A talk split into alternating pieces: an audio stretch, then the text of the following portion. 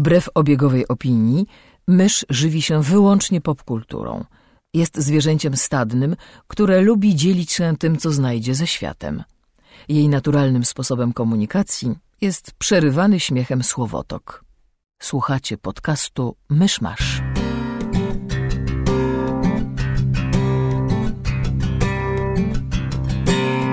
Gospodarzami podcastu Myszmasz są Krzysiek Sera, redaktor portalu Avalon. Kamil Borek ze studia Kobart. i Mysz, autorka bloga Mysza Mówi. Drodzy słuchacze, jest poniedziałek, 10 kwietnia 2017 roku. Rocznica śmierci wielu ludzi. Nie starasz się. Ojej, no bo to Kaczmarski, potem katastrofa w Smoleńsku, więc wszyscy od Kaczorowskiego po Kaczyńskiego, więc żeby jakoś tak bardziej optymistycznie zacząć, a dzisiaj można składać życzenia urodzinowe Daisy Ridley. Zapraszam do 179 odcinka podcastu Myszmasz. I życzymy wszystkiego najlepszego Daisy Ridley. Happy birthday to you. Wiosna, wiosna w pełni, zielono się robi, drzewa kwitną, wiśnie i śliwy, jest pięknie, mangolie zaczynają, Jak właśnie zagwarantowałeś, że w poniedziałek będzie lało. Magnolie. magnolie.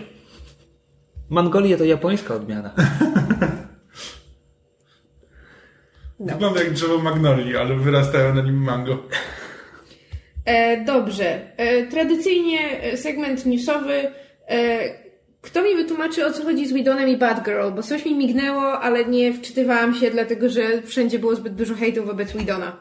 A, y, no to to jest news, to jest news chyba z początku zeszłego tygodnia, że ponoć Joss Whedon kończy rozmowy z Warner Bros. Brothers, y, żeby chyba i napisać, i wyreżyserować solowy film o Batgirl. E, To, zasadniczo to był cały news, jakby to, to nie było oficjalne potwierdzenie chyba, mam wrażenie. E, I jakby e, były, były dwie dominujące reakcje. Dobra, trzy dominujące reakcje. Trzecia, najcichsza to było wow, Joss Whedon zrobi film o Batgirl, będzie super. Tej reakcji było mało. E, druga reakcja była taka, że no fajnie DC e, zapowiada, czy pracuje nad dwudziestym którymś filmem, E, No bo oni faktycznie pozapowiadali mnóstwo rzeczy. Ja już niedawno mówiłem w podcaście, że zdążyłem zapomnieć trzy czwarte tego, co oni zdążyli zapowiedzieć. Te wszystkie, nie wiem, Green Lantern Cory i film o, nie wiem, Shazamie i o Black Adamie i coś tam rzeczy. No więc oni zapowiadają mnóstwo tytułów. E, A potem, a potem obserwujemy, jak są te problemy produkcyjne i reżyserzy się wykruszają z Flasha i scenarzyści i wszyscy i tak dalej. Więc druga reakcja dominująca prawdopodobnie było a, poczekamy, zobaczymy, czy to w ogóle powstanie. Albo czy Whedon nie, nie odpadnie po, po pół roku współpracy z Warner Brothers. E, No i wreszcie trzecia reakcja była taka, że Whedon się skończył po Kill 'Em All i że No właśnie to była ta, z którą ja się najczęściej spotykałam. No, zasadniczo to była reakcja na e, Age of Ultron, na wątek Black Widow tam i, i takie e, zasadniczo teza jest taka, że, że na początku XXI wieku to, to Whedon był feministyczny i progresywny i Buffy była super i w ogóle, ale, ale poszliśmy dalej i, i że może, no, że może się skończył po Kill 'Em All. E, Ja jestem o tyle zdumiony, że no ci Avengersi go złamali. Reakcje, znaczy to jego wypowiedzi po premierze Age of Ultron o, o problemach we współpracy z dużym studiem i tak dalej, z, z realizacją własnej wizji w momencie, w momencie, kiedy trzeba tam wrzucać zajawki pięciu innych filmów do, do własnego filmu i tak dalej, że to jest, no, że sprowadzały się do tego, że robienie filmów jest trudne. Niesamowite. Więc biorąc to wszystko pod uwagę, to usłyszeć teraz, że Whedon idzie na współpracę z Warner Brothers, które w tym momencie jest znane głównie z tego, jak, jak bardzo trudno im się współpracuje z reżyserami, którzy nie są Zackiem Snyderem. Jest to dziwne, ale hej, no to znaczy ja rozumiem, że jakby Whedon miał trochę inne zadanie przy Avengersach, tylko że jak się na przykład słucha wypowiedzi Jamesa Gana, który po prostu ten, nie, nie, może, nie może się przestać zachwycać nad współpracą z Marvelem i ten, ten, ten już słynny tweet E, na Twitterze ktoś zapytał, czy będzie wersja reżyserska e, Guardians of the Galaxy 2. On powiedział, nie, bo to co zobaczycie w kinie to jest wersja reżyserska, Marvel nic nie kazał mi wyciąć. E, I ludzie uważali, że to jest po prostu psztyczek w stronę, w stronę Warnera i tak dalej. James, ten Gunn się zarzeka, że nie no, po prostu, po prostu taka jest, taka jest prawda. No tylko, że on robi jakby pojedynczy film, a nie, a nie ten, ten jeden wielki film, który ma spajać wszystko, co do tej pory się wydarzyło i promować to, co będzie dalej. Więc no, prawdopodobnie doświadczenia Widona były zupełnie inne niż Gana. Znaczy, jakby jeśli o mnie chodzi, to tak jak uwielbiam, nie wiem, Firefly czy Buffy, które uważam, że jest super pomimo pewnych problemów, e, tak jego Avengers za pierwszym razem w kinie spoko. Mówię o pierwszych Avengers, bo Age of no Ultron tak. nawet za pierwszym razem w kinie już było na zasadzie okej, okay, widzę co próbujesz zrobić, w sumie jest tu więcej fabuły niż w pierwszej części, doceniam, ale ojej. Mhm. E, w tym momencie, no no może Batgirl byłaby takim, wiesz, czymś, co byłoby z boku, nie wiem, Justice League i tak dalej i może tam mógłby zrobić coś bardziej autorskiego. Może. No chyba, że Warner Bros. rzeczywiście poszło po rozum do głowy i postanowiło jakby brać ludzi, którzy wiedzą, co robią i nie, nie wtrącać im się za bardzo. Chciałbym w to wierzyć, ale, tak, ale bardzo, bardzo mi to trudno przychodzi. No, więc... Yy Eh, pożyjemy, zobaczymy. Czy są jeszcze jakieś newsy? Jest jeden, jedna dziwna rzecz, o której dowiedziałem się dopiero dziś rano, bo wczoraj nie czytałem internetu.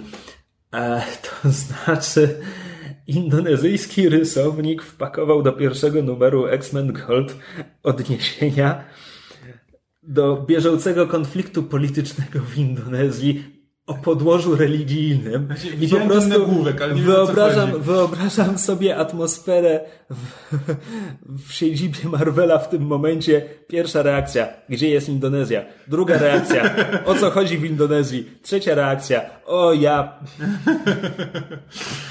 No więc e, po tym teraz startują nowe serie o, o X-Menach. Poprzednie zostały zamknięte, zmienia się jakby status X-Menów, jakby zamykamy duży rozdział w historii, koniec wojny z Inhumans, koniec mutantów na progu wymarcia, bo, no, bo rozwiązali ten problem, startują nowe serie. I był, był zeszyt X-Men Prime, który był takim jakby wprowadzeniem do historii.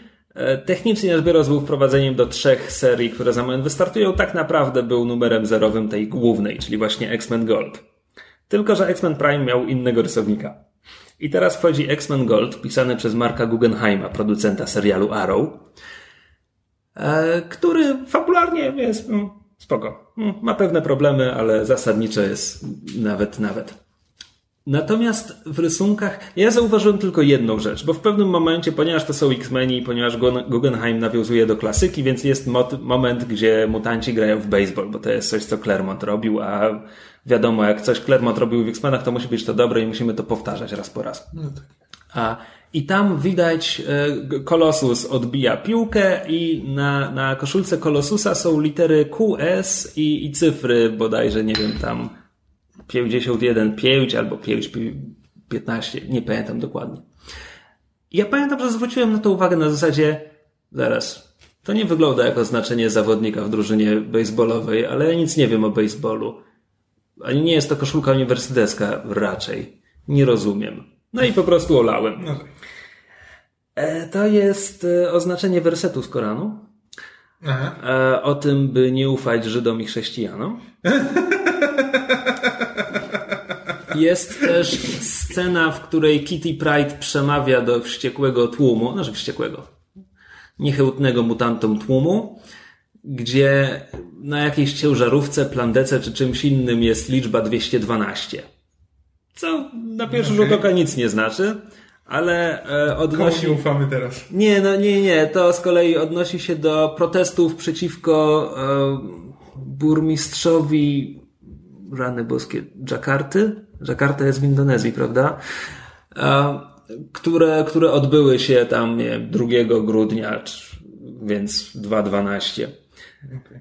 E, to są, to, to, to są właśnie protesty na tle religijnym, bo ten burmistrz jest chrześcijaninem, a w muzułmańskiej Indonezji jest duża grupa mhm. fundamentalistów, którzy twierdzą, że nie muzułmanin nie powinien być przywódcą muzułmańskiej społeczności. Mhm. I wreszcie w tej samej scenie, gdzie Żydówka Kitty Pride przemawia do tłumu, yy, szyld sklepu po drugiej stronie ulicy, to, to jest jubiler czy coś tam i tam jest napis jewelry. I Kitty Pride co prawda nie zasłania wszystkich liter poza pierwszymi trzema, mhm. ale zasadniczo masz Kitty Pride podpisaną jako jewelry.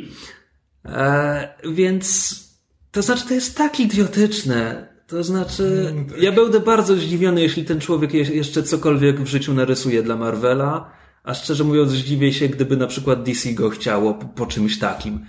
To jest tak absurdalne.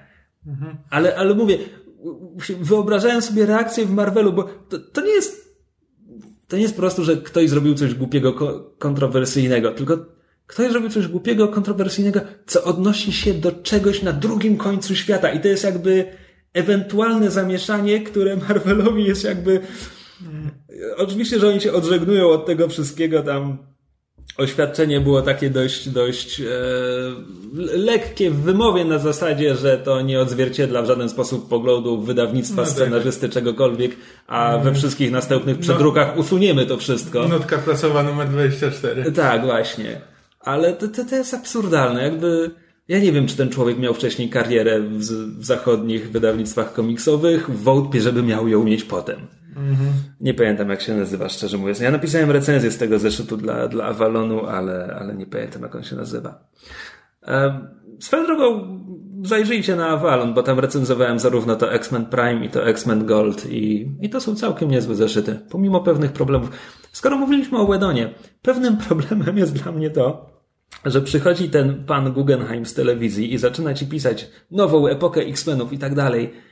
I te dwa zeszyty one mi tak bardzo przypominają e, początek ranu Widona w Astonishing X-Men, gdzie jakby Kitty Pride wracała po długiej nieobecności do mhm. X-Men i, i wokół tego był, był zbudowany początek historii i tutaj jest dokładnie to samo, to znaczy Kitty Pride wraca do X-Men. I na pierwszy rzut oka to jest takie po prostu, no tak, no bo to jest tak, no bo to cyklicznie ta uczennica wraca, żeby teraz zostać nauczycielką i przywódczynią. Jakby spoko. Ale potem zaczynasz przyglądać się szczegółom i to naprawdę wygląda jakby Guggenheim po prostu skopiował te zeszyty. No wiesz, robi teraz 5 milionów seriali, myśli, że ma czas, żeby nowe pomysły wymyślać. Właśnie, a propos y, tych seriali, bo teraz zapowie... Znaczy, CW zapowiedziało kolejny, tak. Black, Black Lightning. Y, czy, czy ty znasz tego, czy wiesz o co chodzi? Bo ja po prostu wiem, że taki serial ma powstać, ale w ogóle nic nie miałem bohatera, to znaczy, nie wiem co serialu. Y, ja wiem, że jest taki bohater, mignął mi w, w kreskówkach. Nie wiem, chyba w Young Justice się pojawił, y, a może i w Justice League Unlimited. I to jest zasadniczo wszystko, co ja o nim wiem.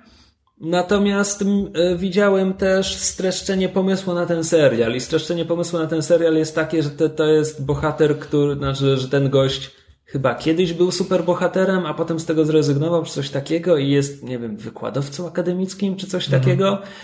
E, ale wydarza się coś, co sprawia, że musi tam ponownie ruszyć na ulicę jako Black Lightning. E, to, co mnie w tym zainteresowało, to to, że, że to jest pomysł na superbohatera w wieku średnim. Znaczy to będzie telewizyjny wiek średni, no tak. ale, w, ale w dalszym ciągu to ma być, nie wiem, 40-paroletni gość, tak. E, więc może to jest jakiś pomysł, żeby to był, to się jakoś odróżniło? No tak, no biorąc pod uwagę, że wiesz, no, Arrow, Flash, Supergirl, to wszystko jest wszystko jest o dzieciakach tak naprawdę. No nawet, nawet ten Oliver, który no jest chyba najdojrzal, najdojrzalszy w takim Dojrzały. Rozumie... Czy to jest słowo, którego byś użył wobec no, telewizyjnego Olivera Queena? Nie bardzo, ale no ale mimo wszystko, no, on się wydaje starszy od tych pozostałych, głównie dlatego, że się nie uśmiecha. E, ale no to nadal, to nadal jest dzieciak. To, to, to może być ciekawe, zobaczymy. No, ja, ja jestem. Mm. Czytałem bardzo dobre rzeczy o, o finale Legend i w ogóle o drugim sezonie Legend, ale jestem strasznie do tyłu, więc jeszcze tam mi nie z czterech odcinków brakuje. Z Flashem jestem jeszcze bardziej do tyłu, z Arrowem jestem w miarę na bieżąco, a i tak nie wiem, czy widziałem ostatni odcinek. Więc... W ogóle ostatnio nie oglądam seriali. No widzisz. Flip. Czy to koniec segmentu newsowego? Na to wygląda. No to ja jeszcze się wstrzelę na sam koniec, to znaczy już rozpoczynając nowy wątek z najbardziej szokującym newsem o WOL, bo po dwóch latach mówienia, że to zrobię, e, sprawiłem sobie w końcu nowy komputer. Ojej! Więc teraz będę e, Grał w gry. Tak, i, i będę pomału dzielił się w podcaście tak. przemyśleniami na temat tytułów z ostatnich 3-4 lat. Tak, nie będziesz tylko akademickim głosem. Tak, tak. I, I w związku z czym ponieważ no, nie mam go jeszcze nawet tygodnia, więc na razie, e, ponieważ kupiłem sobie Tides of Numenera jakby w dniu premiery, żeby się przekonać, że nie pójdzie mi na poprzednim Asusie, e, więc zacząłem w to grać i um, to otwarcie mogłoby być lepsze, to znaczy tak, na wielu poziomach. Punktem odniesienia jest oczywiście Planescape Torment, który wrzucał cię w bardzo konkretną sytuację budzisz się na stole w kostnicy. To jest pierwsza dziwna rzecz. Przywieźli cię tu martwego, budzisz się. Okej, okay, to jest punkt wyjścia do fabuły. E, Tides of Numenera ma coś podobnego, ale zaraz lecimy dalej. Pod, e, podlatuje do ciebie latająca czaszka. Okej, okay, to jest dziwny świat. Latająca czaszka wyjaśnia ci podstawy ten i jakby masz ten jakby, nazwijmy to, prolog w kostnicy jest bardzo prosty. Na zasadzie tutaj jest grupa ludzi, która czci śmierć i zajmuje się zmarłymi i oni się obrażą na widok zmarłego, który chce sobie stąd pójść. Musisz uciec z kosmicy. To jest bardzo proste, jakby. Tak, mówi ci rany boskie, to jest bardzo dziwny świat, ale daje ci też bardzo proste zadanie na początek. Mhm. A tymczasem Tyson Numenera. Tak, zasypuje to znaczy, po prostu informacjami o wszystkim ogóle, i o niczym, tak naprawdę. W ogóle, ja nie. Ta gra nie ma przerywników filmowych. Okej, okay, nie było budżetu. Ale ja bym chciał, żeby ona miała obrazki. Bo w momencie, kiedy rozpoczynasz grę i okej, okay, pierwszy wybór to jest, czy grasz kobietą, czy mężczyzną, a potem widzisz czarny ekran i małe okienko z tekstem i musisz przeklikać chyba 10 e, ekranów z tekstem, zanim cokolwiek się pojawi na tym ekranie. To jest takie, ja wiem, że w tej grze będzie dużo czytania, ale mimo wszystko no, no chciałbym, żeby w tych drzewkach dialogowych pojawiały się też obrazki. Potem jak rozmawiasz z NPC-ami, NPC nie, nie mają portretów. Mhm. Nie ma portretów NPC-ów i to Jasno, nie wszyscy są opisani w tekście, ale, ale jednak trochę mi tego brakuje. Nawet, nawet, te portrety, które są, znaczy na przykład portrety twojej drużyny, one są brzydkie, one mi się strasznie no. podobają, poza tym jakby nie są e, nie są charakterystyczne. Znaczy w, w Planescape jakby każdy, każda postać, jakby każdy portret postaci, no ty od razu widziałeś, kim ona jest i e, jakby dało ci jakieś informacje. A tutaj to są takie bardzo prawie impresjonistyczne portrety po prostu ludzkich twarzy i nie bardzo nie bardzo się to cokolwiek mówi. W Planescape jeszcze w zakładce dziennika miałeś tam e, opisy wszystkich tych postaci z ilustracjami. I okej, okay, to, były, to była grafika komputerowa końcówki XX wieku. To może nie było specjalnie ładne, a i można by się zastanawiać nad stylistyką, która ubierała te wszystkie kobiety w te skórzane uprzęże i tak dalej. Ale jakby, ale były to jakieś wizualia, więc tutaj na, na starcie jednak chciałbym, żeby tam durne, statyczne obrazki chociaż, żeby tam były, bo jednak ten tekst, jasne, on jest obrazowy, ale brakuje mi takiego skrótu graficznego. E, no a druga rzecz, rany boskie, jaka ta gra jest gęsta. To znaczy, biegam sobie teraz w, tej, w tym pierwszym mieście, Sagus Cliffs i e, no, co zagadam do jakiegoś NPC, to jest po prostu 15 minut życia. Ja, to jest ciekawe 15 mhm. minut życia, ale to jest na zasadzie, ja na razie zrobiłem jeden quest i, i po prostu myślę, że w tym mieście będę jeszcze 6 godzin. Zanim co, no, co najmniej. No tak. Więc, więc jest spoko. Natomiast e, muszę powiedzieć, że też trochę rozumiem e, argument, zarzut, nie wiem jak to ująć. To, to, to, co mówił Paweł Opydo, że jakby w tym świecie każdy jest e, super unikalnym, super cudakiem, który ma super historię.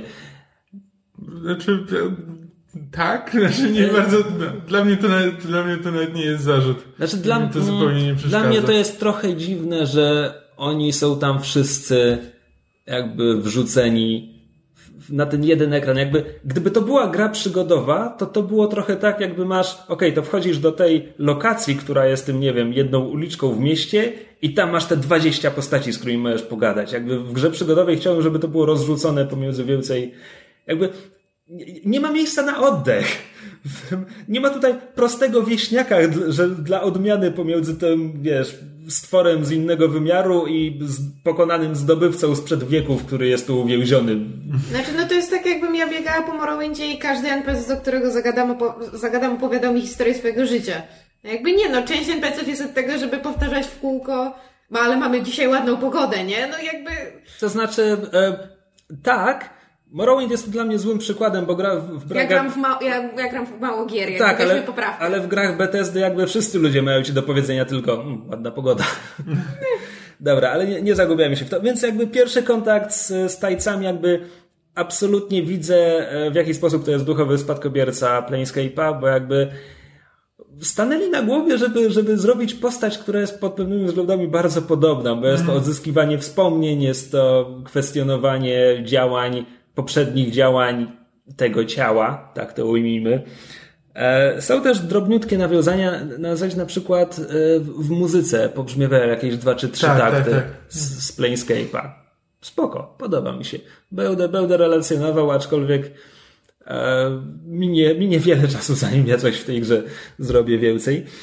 A drugie, o czym chciałem powiedzieć, przede wszystkim chciałem o tym powiedzieć, dlatego że bardzo lubię dema, a ponieważ dema e, gier komputerowych e, są gatunkiem niemalże wymarłym, czy gatunkiem, praktyką, więc tym bardziej chciałem pochwalić Bethesdę i Arkane Studios, którzy, okej, wypuścili demo Dishonored 2 w pół roku po premierze gry, ale przynajmniej to zrobili. Natomiast to jest akcja, która też ma za zadanie chyba odzyskać trochę, e, no, zaufania e, graczy pecetowych, bo Dishonored 2, kiedy się pojawiło, e, było zrobione na pecetach. Nie w takim stopniu jak, nie wiem, Arkham Knight, e, ale gra wymagała naprawdę potężnego komputera, żeby działać płynnie, a nawet wtedy mogła nie do końca działać płynnie. Nie dlatego, że ma tak wymagającą grafikę, tylko dlatego, że miała e, kod nawiedzony przez demony. Ja się nie znam na informatyce.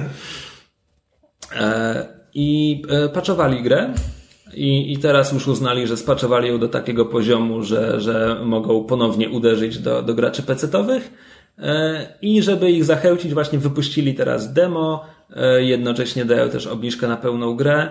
Więc po prostu chciałem to pochwalić, bo jakby no nie wiem, jak, jak mówiliśmy w listopadzie o, o Shadow Tactics, to jest gra, w którą bym w życiu nie zagrał, gdyby nie to, że studio dało mi demo z pierwszymi dwoma poziomami i stwierdziłem, wow, to jest świetne, kupiłem. E, I teraz e, to demo Dishonored 2 jest duże. Nomi- e, ja gram w nie już 3,5 godziny, Ha.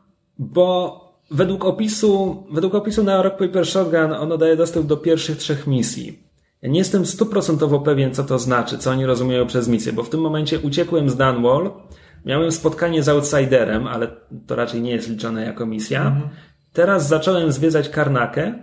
E, Jeśli przez trzy misje mają na myśli te rozdziały, które są, e, że tak powiem, odliczane cyferkami, kiedy ci się ładują, no to w tym momencie jestem w drugim rozdziale, gdzie mam do wykonania pierwszą misję w Karnace, co by sugerowało, że będę miał potem jeszcze jedną misję w Karnace.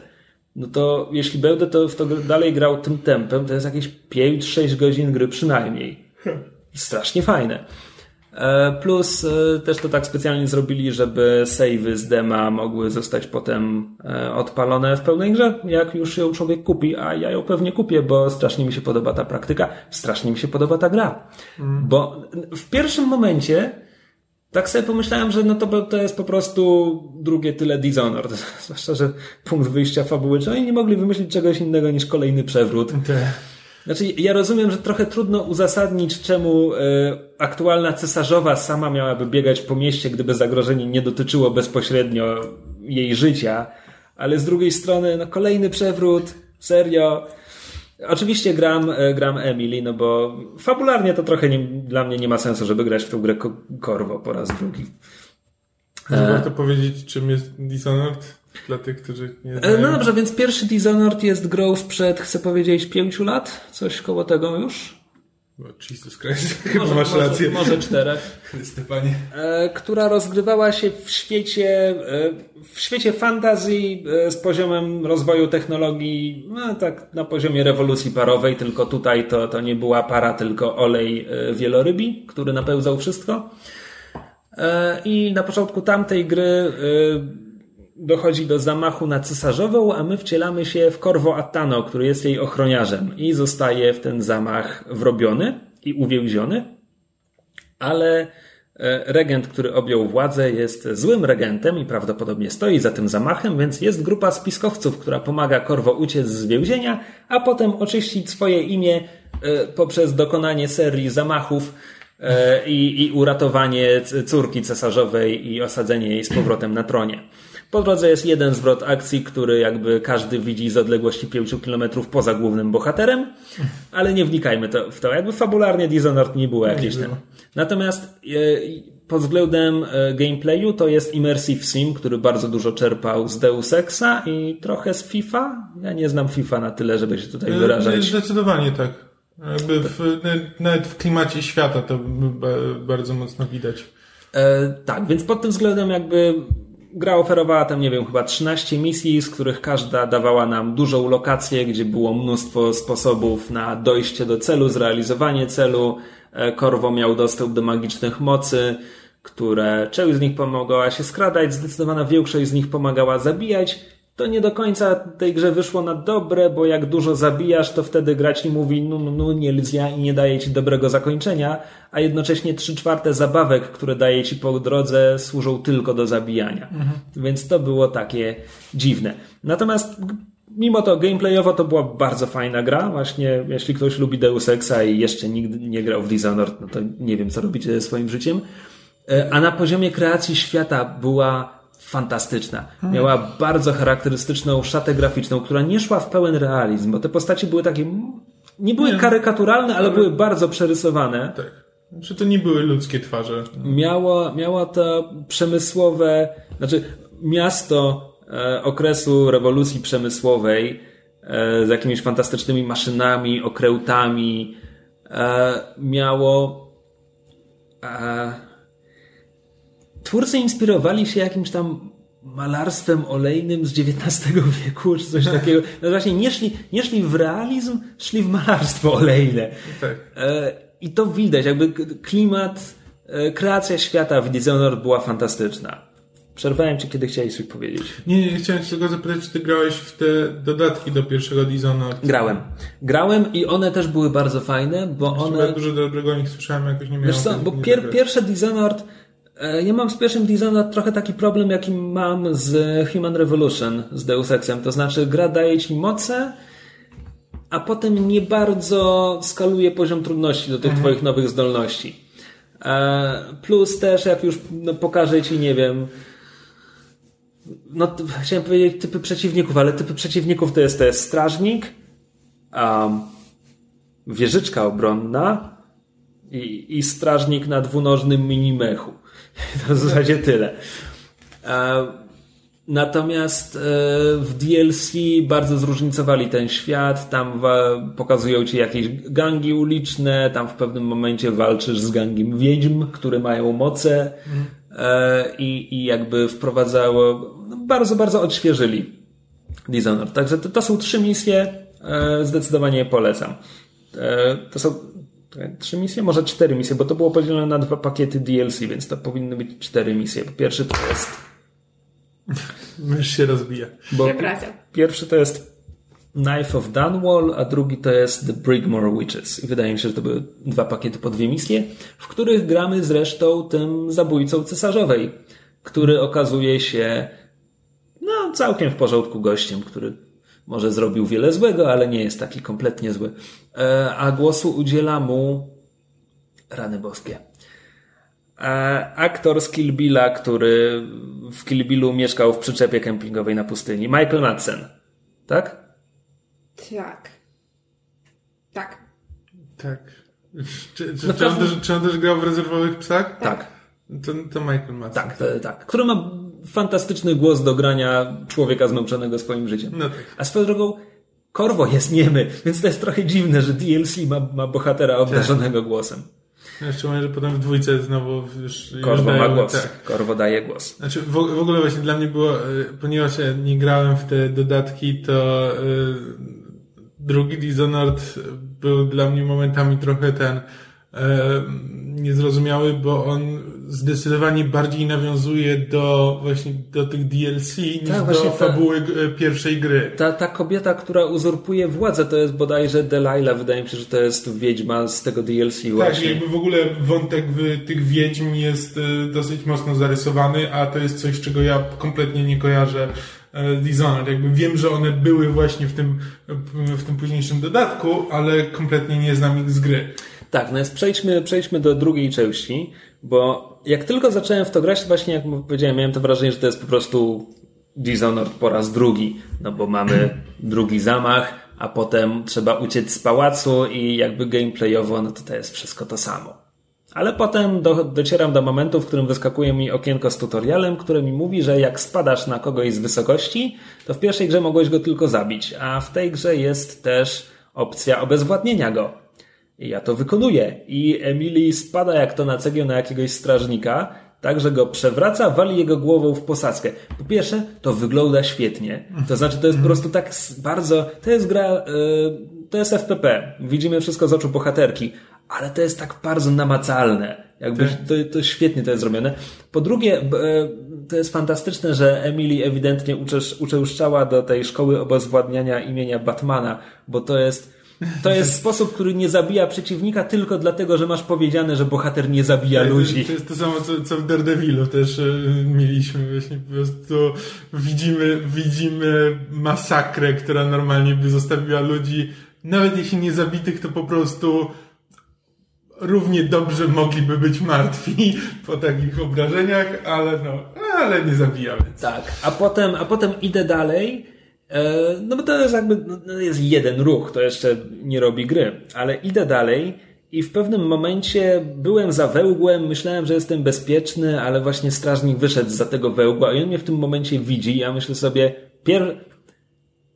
jakby świadoma myśl jest, no okej, będę musiał władować stan gry, załadować y, sta, zapisany stan gry. Ale to była świadoma myśl, a nieświadomie nacisnąłem przycisk do, e, do obezwładniania ludzi i w tym momencie odkryłem, że że to jest opcja w tym momencie, że kiedy straży, nie, muszę zajść strażnika od tyłu, żeby go poddusić, tylko w tym momencie Ed, Edili.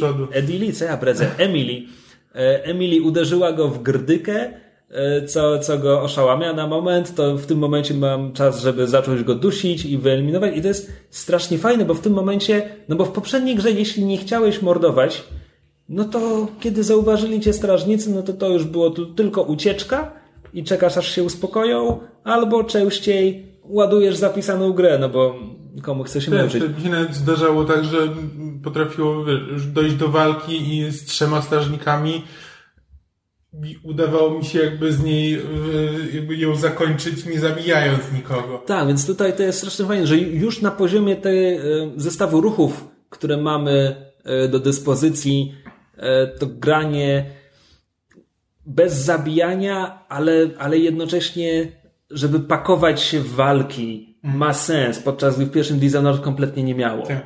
Więc to, było, to był ten taki moment, kiedy poczułem, że okej, ta gra faktycznie coś robi zdecydowanie inaczej. No a potem, e, potem popłynęliśmy do Karnaki, bo pierwsza gra toczy się w Dunwall, stolicy cesarstwa, który jest właśnie takim Londynem na sterydach. E, a Karnaka jest e, stolicą południowej wyspy cesarstwa, jest zdecydowanie bardziej śródziemnomorska, wygląda świetnie. To po prostu... Tak.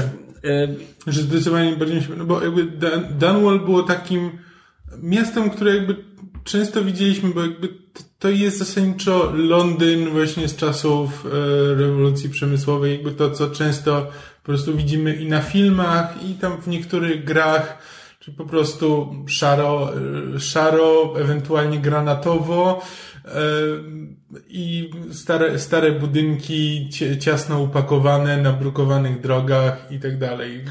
Tam jest dużo smaczków, które jakby to urozmaicały, ale tak, ale to było jakie podstawowe założenie, na tym, było na tym było zbudowany Dunwall, że to jest po prostu Londyn. Tak, no a Karnaka jest skąpana w słońcu, na, na, na nabrzeżu ludzie patroszą ryby, więc brukiem leje się krew.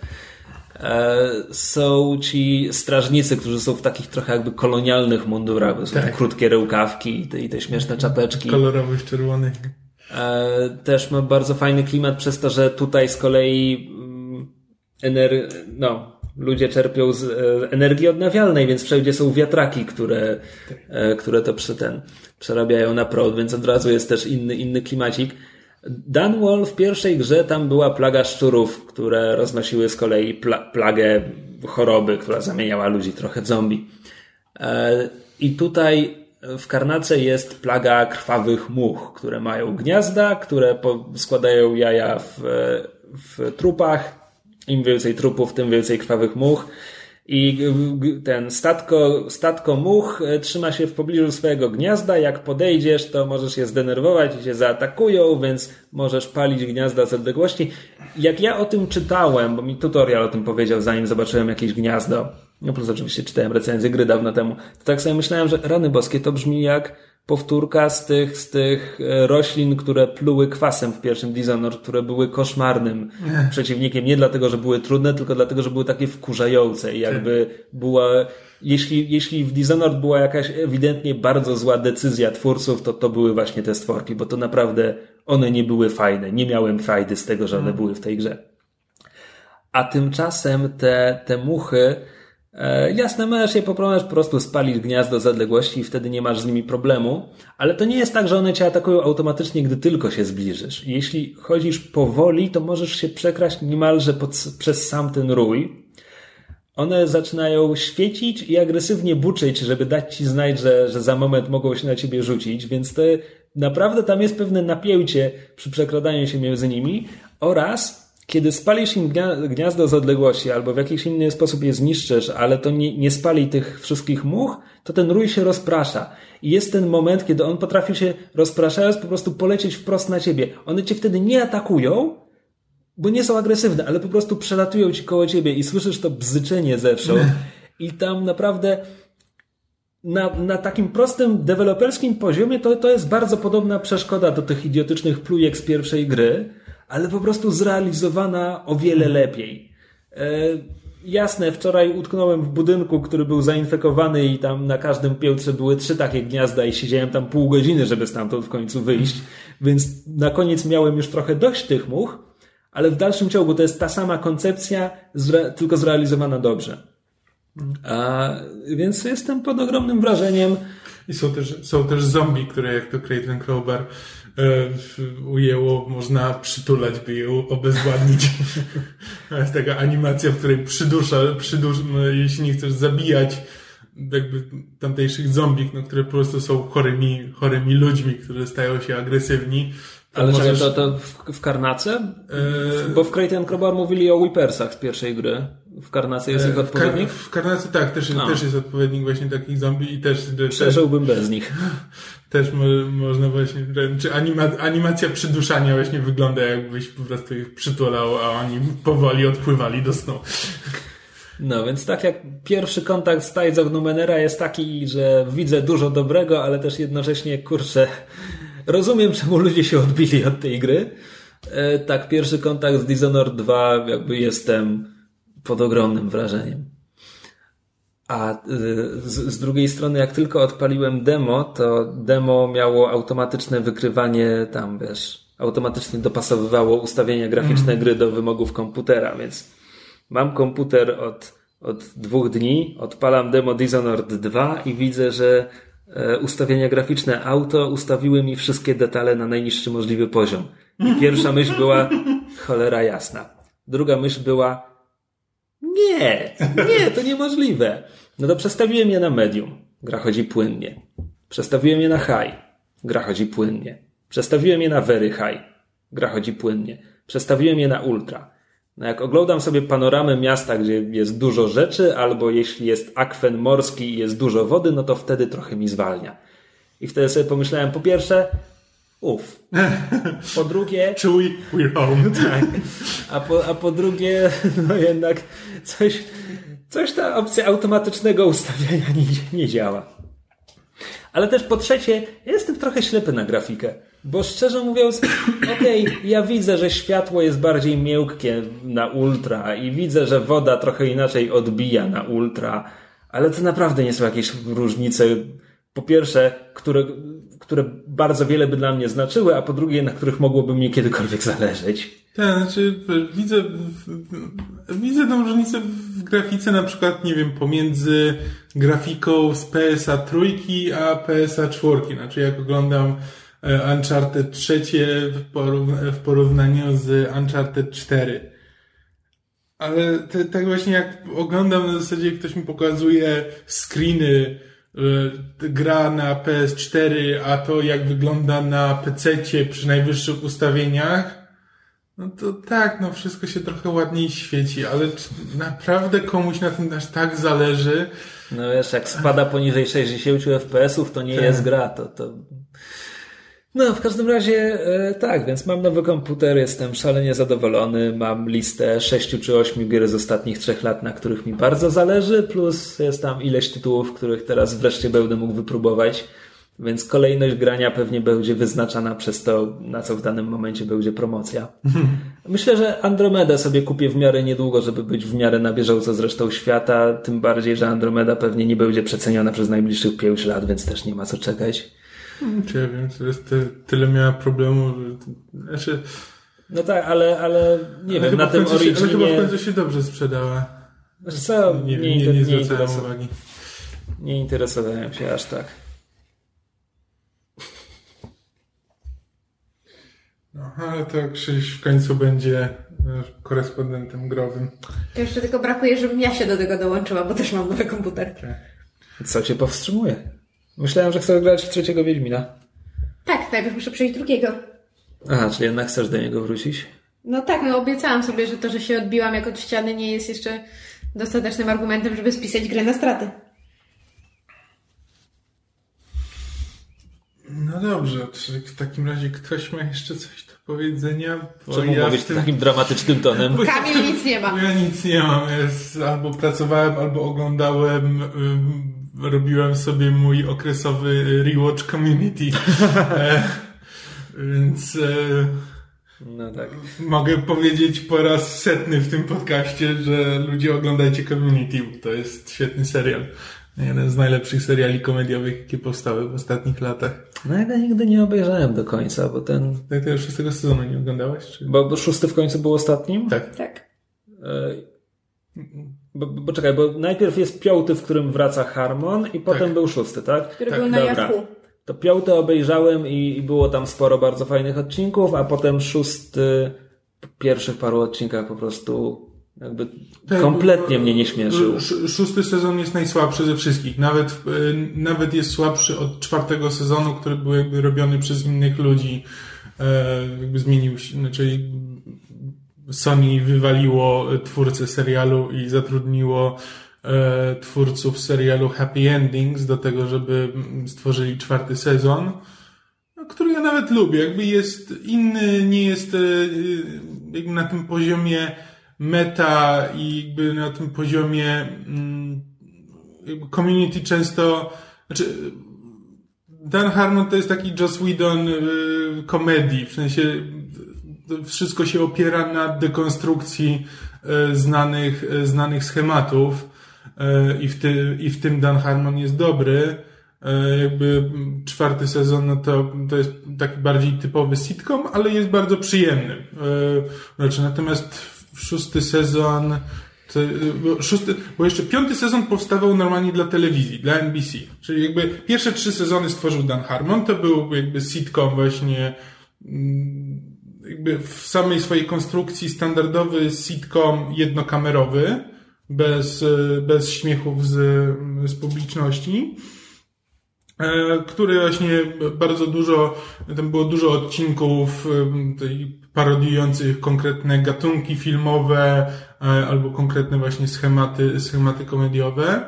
Potem czwarty sezon przyszli nowi ludzie, stworzyli bardziej standardowy sitcom z tymi samymi postaciami. W piątym sezonie wrócił Dan Harmon e, i tam część, część obsady ym, odeszła, jakoś tam się próbował z tym uporać, ale wyszło mu to bardzo fajnie. Piąty sezon wciąż był bardzo dobry, jest tam wiele, wiele y, ciekawych pomysłów. Natomiast potem w szóstym sezonie NBC jakby już y, po piątym sezonie NBC stwierdziło, że nie będzie, nie będzie tego serialu kontynuować, ale wykupiło go Yahoo, które wtedy próbowało robić konkurencję Netflixowi i Amazonowi i stworzyć własny serwis streamingowy.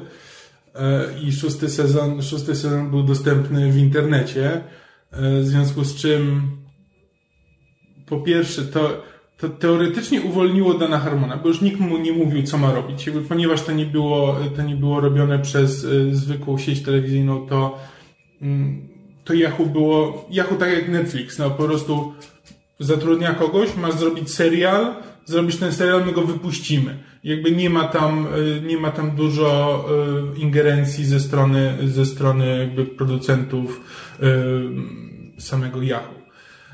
E, Co w przypadku community temu serialowi zaszkodziło, bo wszystko, co do tej pory robił Dan Harmon, było na przekór e, jakby NBC, na przekór Sony, e, bo on jest typem człowieka, który po prostu nie dogaduje się z ludźmi. E, Jak mu ktoś każe coś zrobić, to on robi mu na przekór.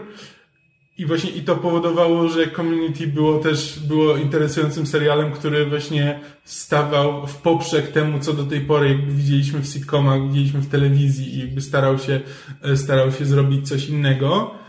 A kiedy nagle Dan Harmon został pozbawiony tej e, kogoś, komu mógłby stanąć wbrew, a jeszcze w dodatku mam wrażenie, że tam już, e, tam już odeszli Joe Russo, już bracia Russo, ci od, e, ci od Civil War'a, którzy mam wrażenie, że jakby sporo zrobili dla tego serialu, że mimo, że tam Dan Harmon go pisał praktycznie własnoręcznie, to jakby to nie byłby taki dobry serial, gdyby nie ich, gdyby nie ich wpływy. E, Bo jakby samo po prostu, samo to jak to zostało wykonane, jakby jak ten serial operuje e, muzyką, jak, e, jak operuje obrazem, jakich ludzi zatrudnia do konkretnych ról, to wszystko jakby tworzyło klimat, który jakby jest poza tym, co, co robi scenarzysta. Znaczy, dla mnie takim bardzo dobrym przykładem jest pierwszy odcinek paintballowy, bo Community jest serialem, które często tworzyło odcinek, w którym nagle stawało się filmem gatunkowym.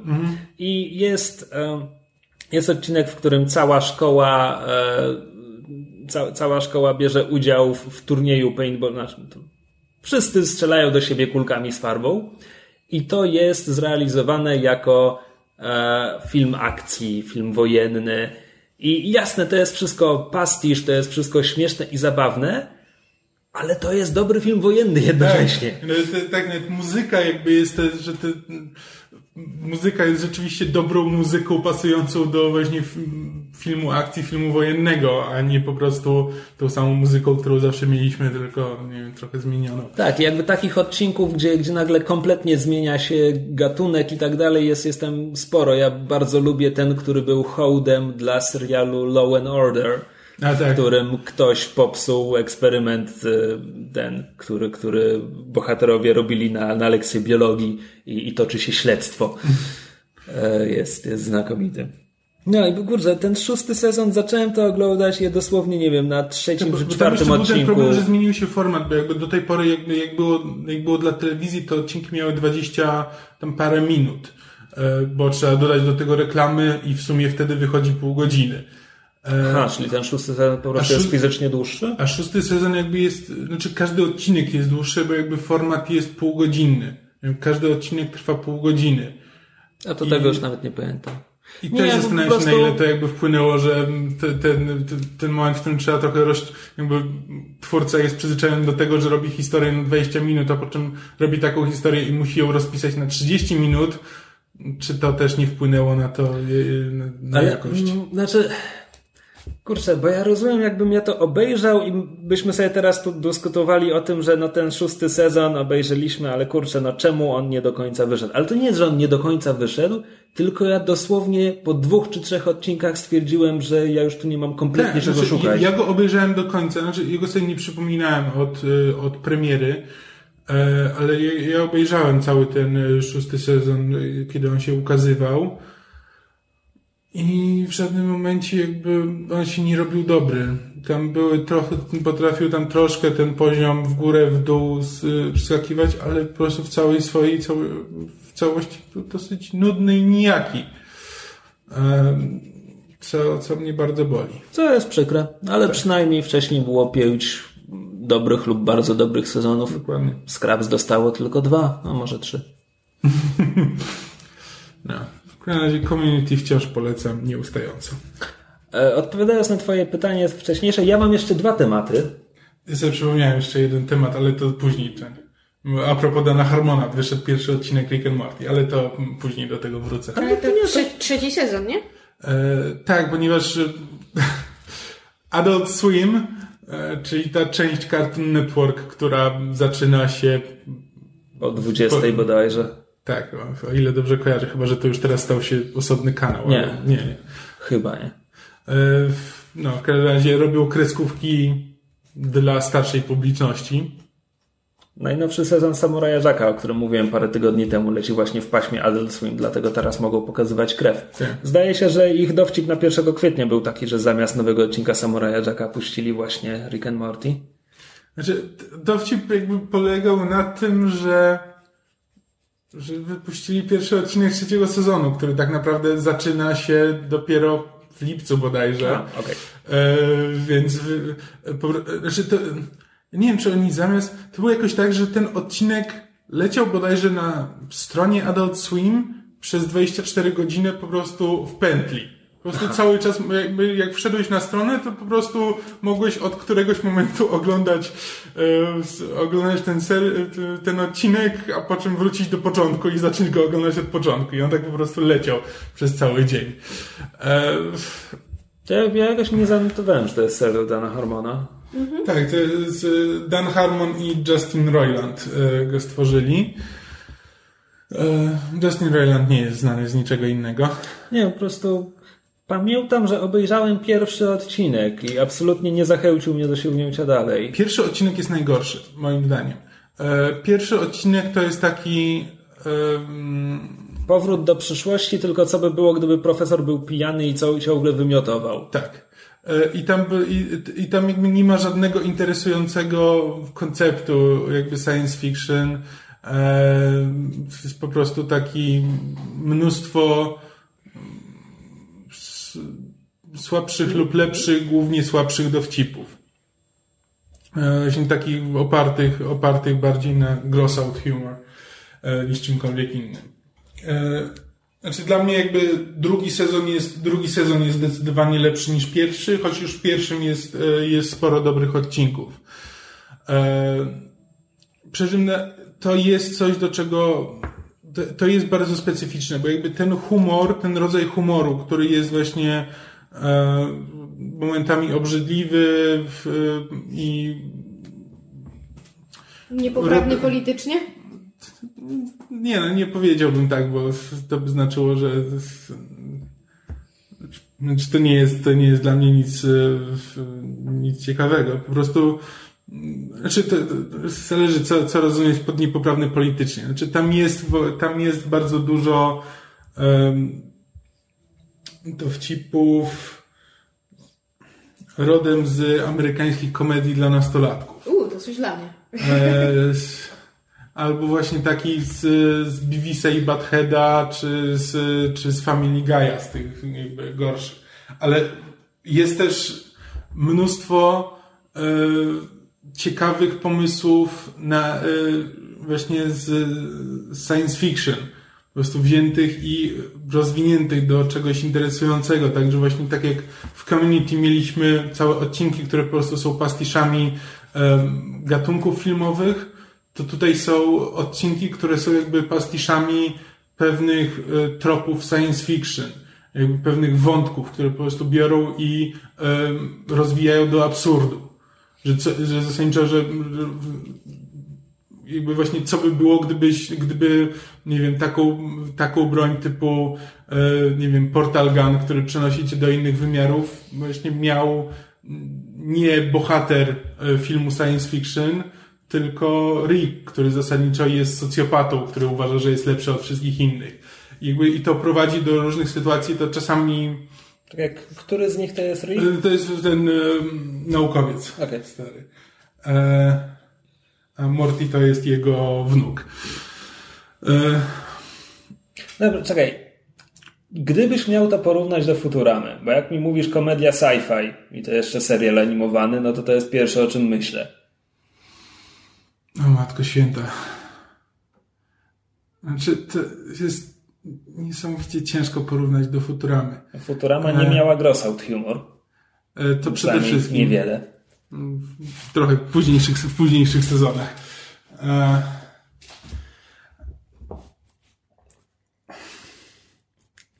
znaczy, gdyby to porównać do Futuramy, to tak. Jest bardziej właśnie męczące, ponieważ ten gross out humor, jeśli ktoś go nie trawi, to on go będzie męczył e, nieustająco. Ja nawet nie próbuję. A przy tym, e, a przy tym jest przy tym potrafi być wyjątkowo, e, wyjątkowo mądry i wyjątkowo ciekawy, kiedy właśnie bierze różne koncepty i je, e, je rozwija.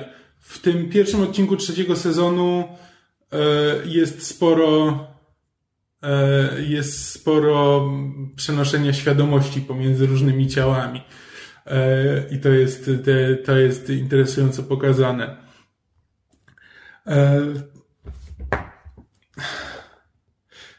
Znaczy, ja myślę, że znaczy, można spokojnie ten trzeci odcinek, e, ten pierwszy odcinek trzeciego sezonu obejrzeć w oderwaniu od, e, od całej reszty.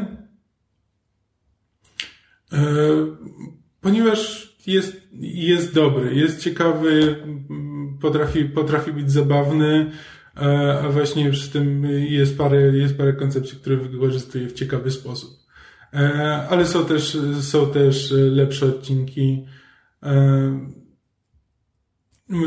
moim ulubionym, moim ulubionym sezonem e, Rick and Morty jest, jest sezon drugi, kiedy właśnie zdecydowanie na pierwszy plan wychodzą, wychodzą pomysły, pomysły i koncepcje, a nie po prostu głupie, głupie żarty. Mm.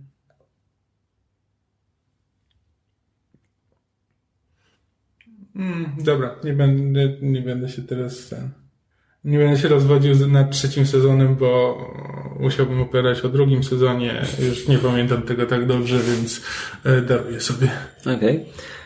Okay. Um, w zeszłym tygodniu poszedł ostatni odcinek Big Little Lies, czyli serialu Wielkie Kłamstewka e, produkcji HBO która jest ekranizacją powieści Lion Moriarty pod tym samym tytułem. E, to był, to był miniserial, to było 7 odcinków. E, ja o nim mówiłem po pierwszym odcinku, bo byłem pod bardzo dużym wrażeniem. E, dla przypomnienia, to jest serial o społeczności mieszkającej w Kalifornii, w takiej bardzo zamożnej okolicy E, główne bohaterki wszystkie mają e, dzieci, które właśnie rozpoczynają e, naukę w szkole. Akcja zaczyna się podczas pierwszego dnia zajęć, gdzie jedna dziewczynka wychodzi z świniakiem i zaczyna się poszukiwanie, kto, które dziecko za to odpowiada.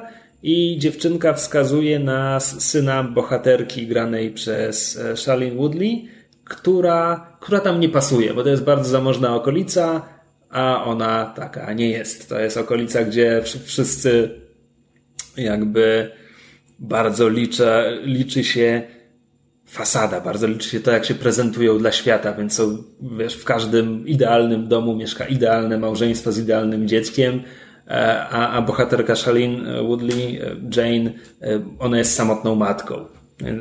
Jakby, więc nie, nie jest z tej klasy to cała reszta, e, nie ma partnera, nie mieszka w wielkim domu nad oceanem, a, a teraz jeszcze jej syn zostaje wskazany jako winowajca.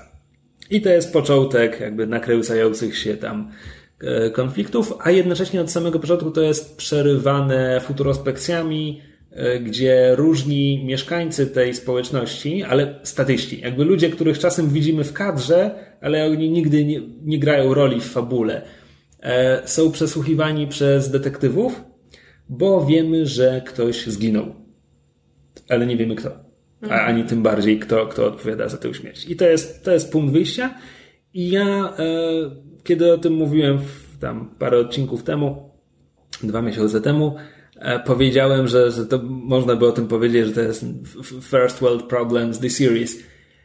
I to było bardzo nieuczciwe. E, teraz po obejrzeniu całości, bo to jest, bo to jest dramat o, o bardzo poważnych kwestiach. Wątek przemocy wobec kobiet jest zdecydowanie na, na pierwszym planie i jest jakby bardzo poważnie przedstawiony i bardzo realistycznie również pod względem e, zachowania ofiary. Jakby pokazuje bardzo toksyczny związek i, i to czemu e, no czemu bita kobieta nie zostawia swojego męża a marszczysz brwi. Na co marszczysz brwi? Jestem ciekawa, czy nie, nie obejrzawszy ani pół minuty serialu jestem w stanie przewidzieć, który, z której serialowych par dotyczy ten wątek. No strzelaj. No, to Nicole Kidman i Skarsgård, nie? Tak. No. E, co nie jest, jakby to, to się okazuje już w pierwszym odcinku, więc to nie jest, to nie jest spoiler. Znaczy, rozgryzłam to po tym, że bardzo wiele osób jakby rozmawiając o serialu, nie, nie siejąc spoilerami, ale jakby rozmawiając w ogólnych E, ogólnie o serialu mówiło, że są pod wrażeniem właśnie roli Skarsgarda i tego, że on w ogóle podjął się zagrania czegoś takiego. W związku z tym domyśliłam się, że... Rola Skarsgarda, muszę ci powiedzieć, że jakby w Trubladzie pokazywał większy zakres aktorski niż, niż tutaj, moim zdaniem. E, ale w Trubladzie miał 7 sezonów, w tym odcinki, gdzie miał amnezję i był nagle misiem przytulanką, więc, e, więc może po prostu ten... Tutaj... E, Natomiast y, wszystkie bohaterki są zagrane fantastycznie. Jakby Shailene, Shailene Woodley, której ja nie widziałem w niczym innym, bo wycięli ją ze Spidermana drugiego z Garfieldem. A Krzysio nie ogląda ekranizacji Young Adult Novels, w związku z tym nie widział serii nigdy Divergent. W, nigdy w życiu. A Zresztą mówisz serii. Czy to się nie skończyło serialem, z którego Woodley się wypisała? Znaczy, nie wiem, kiedy ten serial powstaje. Aha. E, no jest, jest Nicole Kidman, która, która jest świetna właśnie, jak mówiłem, w tej roli kobiety w toksycznym związku. E, jest Reese Witherspoon jako kobieta, która bierze na siebie problemy wszystkich innych i próbuje je rozwiązywać za nich. I jest, znaczy, strasznie irytującą, ale jednocześnie sympatyczną postacią. E, jest e, Laura Dern w roli matki tej dziewczynki, która wychodzi z siniakiem po pierwszym dniu, dniu zajęć. Ona jest trochę bardziej w tle, e, jej rola jest trochę bardziej ograniczona. Ona gra taką, ona jest, ona jest CEO, bizneswoman, więc wie, że ludzie ją postrzegają, że, że poświęciła dziecko dla kariery i że, i że tak być nie może i tak dalej, więc ona jest głównie sfrustrowana ale jest, są w tym też jakby prawdziwe emocje i troska o, o córkę i tak dalej. E, I jest e, Zoe Krawic, e, która też jest trochę w tle. Jakby zdecydowanie Shailene Woodley, Nicole Kidman i, i Reese Witherspoon są, są na A pierwszym planie. gra Zoe Krawic? Zoe Krawic gra nową żonę byłego męża bohaterki Reese Witherspoon. E, która jest e, joginką, weganką, jakby new age hippie i, i tak dalej. E, no. Jeśli... Co mogę jeszcze powiedzieć o serialu, żeby nie wchodzić w spoilery? Świetnie zagrany, jest świetnie napisany. Dziecięcy aktorzy są fenomenalni. To znaczy to, jak, jak no, te wszystkie dzieci jak naturalnie wypadają na ekranie, jak są świetnie napisane nawet, bo to jest jakby masz to, masz to przysłowie, że w show biznesie nigdy nie pracować z, z dziećmi i zwierzętami, tak? E, I to, to są takie bardzo autentyczne dzieci, gdzie jakby patrzysz na nie i okej, okay, może czasami zachowują się jakoś irytująco, ale jest w nich strasznie też dużo uroku i no po prostu super. Pod tym względem super. Miałem pewne problemy z ostatnim odcinkiem, gdzie Ach, nie, to tego nie da się powiedzieć bez spoilerów. miałem pewne problemy z ostatnim odcinkiem, tak? Bo coś tam uznałem za zbyt duży zbieg okoliczności. E, motywacja którejś postaci w pewnym momencie wydawała się dla mnie niedostateczna, ale to są takie trochę, e, trochę, trochę się czepiam. Zresztą też usłyszałem, jak to było w powieści. No, jakby w powieści dużo więcej było wyłożone wprost, a tutaj na przykład e, duża część finału rozgrywa się w ogóle bez dialogów. Po prostu jest, wiesz, show don't tell. Ogólnie warto, naprawdę warto. Jest, jest po prostu świetny. Ja I zabawny, jest naprawdę bardzo zabawny w momentach, kiedy nie jest dramatyczny i przerażający. No tak. Ja bardzo chcę przeczytać książkę, zanim obejrzę serię. Miniserię. To skoro mówimy o ciekawych postaciach kobiecych, to ja w ramach ukulturalniania się wybrałam się na kolejny spektakl w ramach serii National Theatre Live, który jest transmitowany w kinach, w wybranych kinach w całej Polsce, w tym w e, sieci Multikino. I wybrałam się na spektakl Saint John, czyli Święta Joanna, e, jak można się domyślić, dotyczący życia i śmierci Joanny Dark w którą to rolę wcieliła się bardzo brawurowo Gemma Arterton. Arterton? Art Arterton. Tam są dwa R w jej nazwisku, nigdy nie wiem, jak to się wymawia. E, w reżyserii e, Josie Rourke, która odpowiadała też za reżyserię e, e, Coriolana z Tomem Hiddlestonem i Niebezpiecznych Związków z Dominikiem Westem i Janet McTeer, o których mówiliśmy w podcaście z tego co pamiętam, chyba z Ocean's Soul. I to jest bardzo dobra sztuka. To jest jakby nieco współcześniona e, wersja sztuki Bernarda Shaw'a. I dla mnie była ciekawa z trzech względów. Po pierwsze, jakby nie, nie, nie widziałam, nie, nie czytałam oryginalnej sztuki Shaw'a i nie miałam z nią wcześniej, wcześniej styczności, w związku z tym to był pierwszy jakby raz, kiedy, kiedy um, kiedy w ogóle się jakby o niej dowiedziałam. I to, co jest fajne, show jakby wziął, um, w bardzo dużej mierze opierał się na zapiskach z, prawdziwych zapiskach z procesu, um, że tak powiem, autentycznej Joanny Dark, bo jakby te, te zapiski się zachowały, one istnieją. Um, I bardzo często w, w momencie, kiedy mamy um, ekranizację czy, czy adaptację losów Joanny Dark, zwłaszcza właśnie tych końcowych etapów jej procesu i, i potem spalenia. No jakby punkt widzenia zawsze jest taki, że jakby no, że, że ona miała rację, no i była jakby, jak jest po polsku persecuted? Prześladowana. Prześladowana, dziękuję. E, prześladowana ze, przez jakby, przez, przez mężczyzn, no bo prawda, z jej, jej e, oskarżyciele i, i, i sędziowie to, to, to byli e, mężczyźni z, z że tak powiem, skleru, w związku z tym jeszcze jakby gorzej. No i ona jakby była prześladowana za to, że była kobietą, że, prawda, ubierała się jak mężczyzna, że przewodziła wojsku, że twierdziła, że Bóg do niej przemawia. Jakby ilość zarzutów pod jej adresem była, była bardzo długa i, i dość skomplikowana. To jakby nie była tylko jedna kwestia. I zazwyczaj w ekranizacjach jej losów ta, że tak powiem, ten sąd jest y, i, i, i ci oskarżyciele są pokazywani jako um, jakby okrutni, um, zawzięci, oni po prostu, oni chcą ją, oni chcą ją zgładzić i ich nie obchodzi, jak to zrobią, oni po prostu um, chcą, prawda, tę wichrzycielkę um, usunąć z, z obrazka.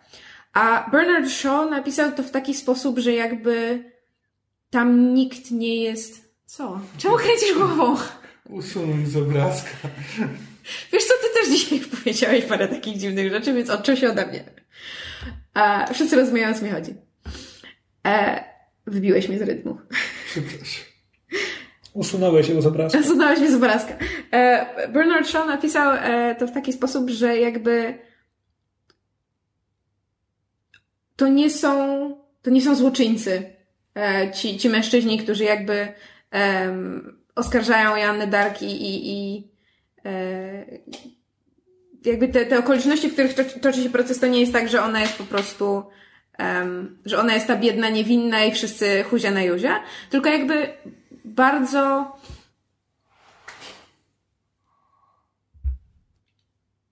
nie wiem jak to powiedzieć. Shaw napisał y, mężczyzn w tym spektaklu w taki sposób, że nie trudno uwierzyć, że oni naprawdę chcieli dobrze.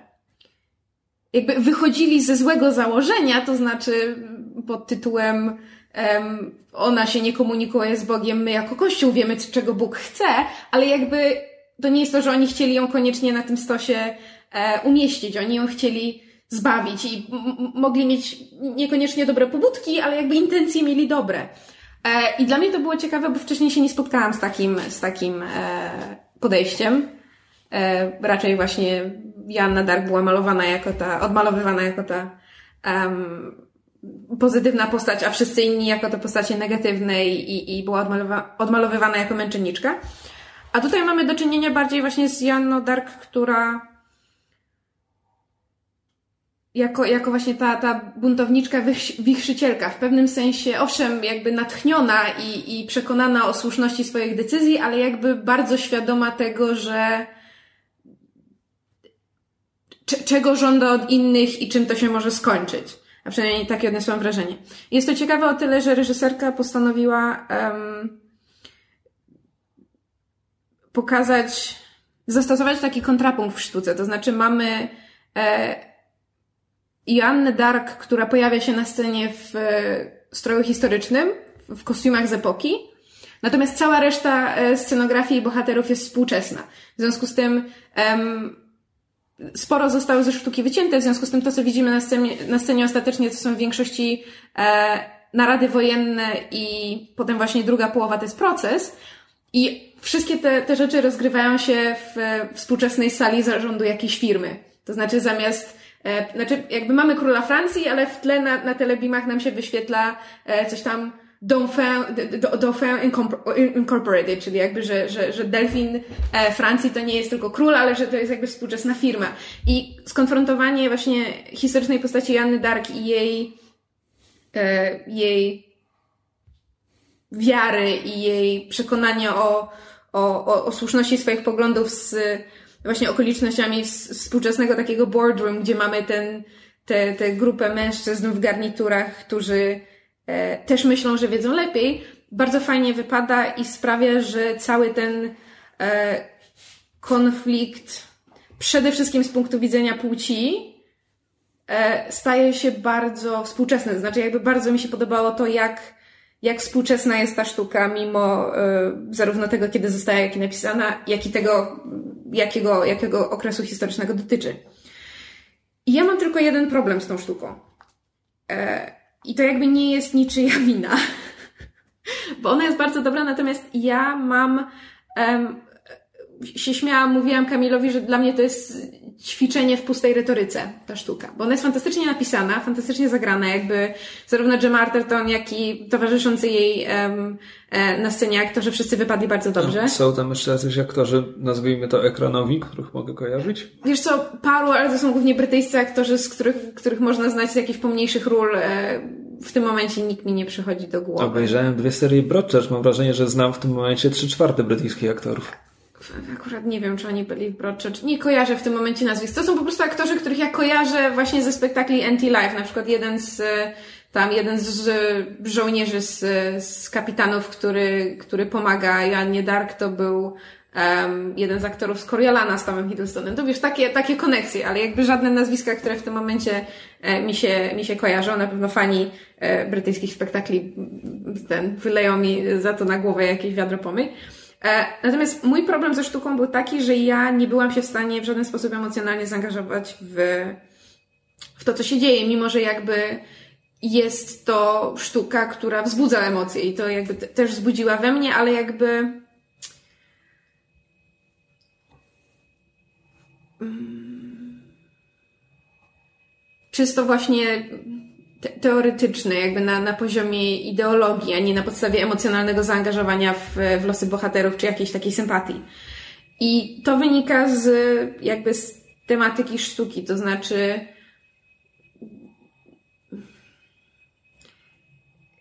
umówmy się, ja jestem, e, że tak powiem, ateistą, agnostykiem, ignostykiem, jakby jak, jak, jak to sobie można nazwać. E, I nie mam nic przeciwko wierze i ludziom, którzy, którzy, którzy wierzą w Boga, more power to you. Natomiast ponieważ sama jestem niewierząca, mam problem z jakby bezdyskusyjnym uwierzeniem w motywację postaci, która jest szalenie religijna i szalenie wierząca. Aż do stopnia bycia fanatykiem, mam wrażenie. To znaczy jakby zarówno postaci Anny, jak i postacie mężczyzn, którzy, um, którzy ją oskarżają, są dla mnie um, jak to powiedzieć w równie wielkim stopniu się mylą, moim zdaniem. To znaczy, jakby nie, nie jestem w stanie. Nie jestem w stanie uwierzyć w ich pobudki religijne, bo dla mnie one są bezsensowne. If that makes any sense. Znaczy, no, ja rozumiem. No, jeśli ktoś jakby jedyną jego motywacją jest to, że Bóg mu coś powiedział, no to no tak, no ja to automatycznie będę poddawała wątpliwości, zaczynam się tak. doszukiwać jakichś dodatkowych y, ten dubious intentions, um, jakichś innych, innych pobudek. E, I, w, I w, tym, w tej wersji sztuki jakby zarówno Joanna, można, można, można stwierdzić, że zarówno Joanna Jema, jak i osoby oskarżające, bo jakby to, że um, zarówno Shaw, jak i, jak i Rourke przedstawili ten, ten proces um, w taki sposób, że on się w bardzo dużym stopniu skupia na religii, to znaczy jakby e, oskarżyciele próbują udowodnić Jannie Dark, że, że to, że ty jesteś przekonana, że Bóg do ciebie mówi jeszcze nic nie znaczy.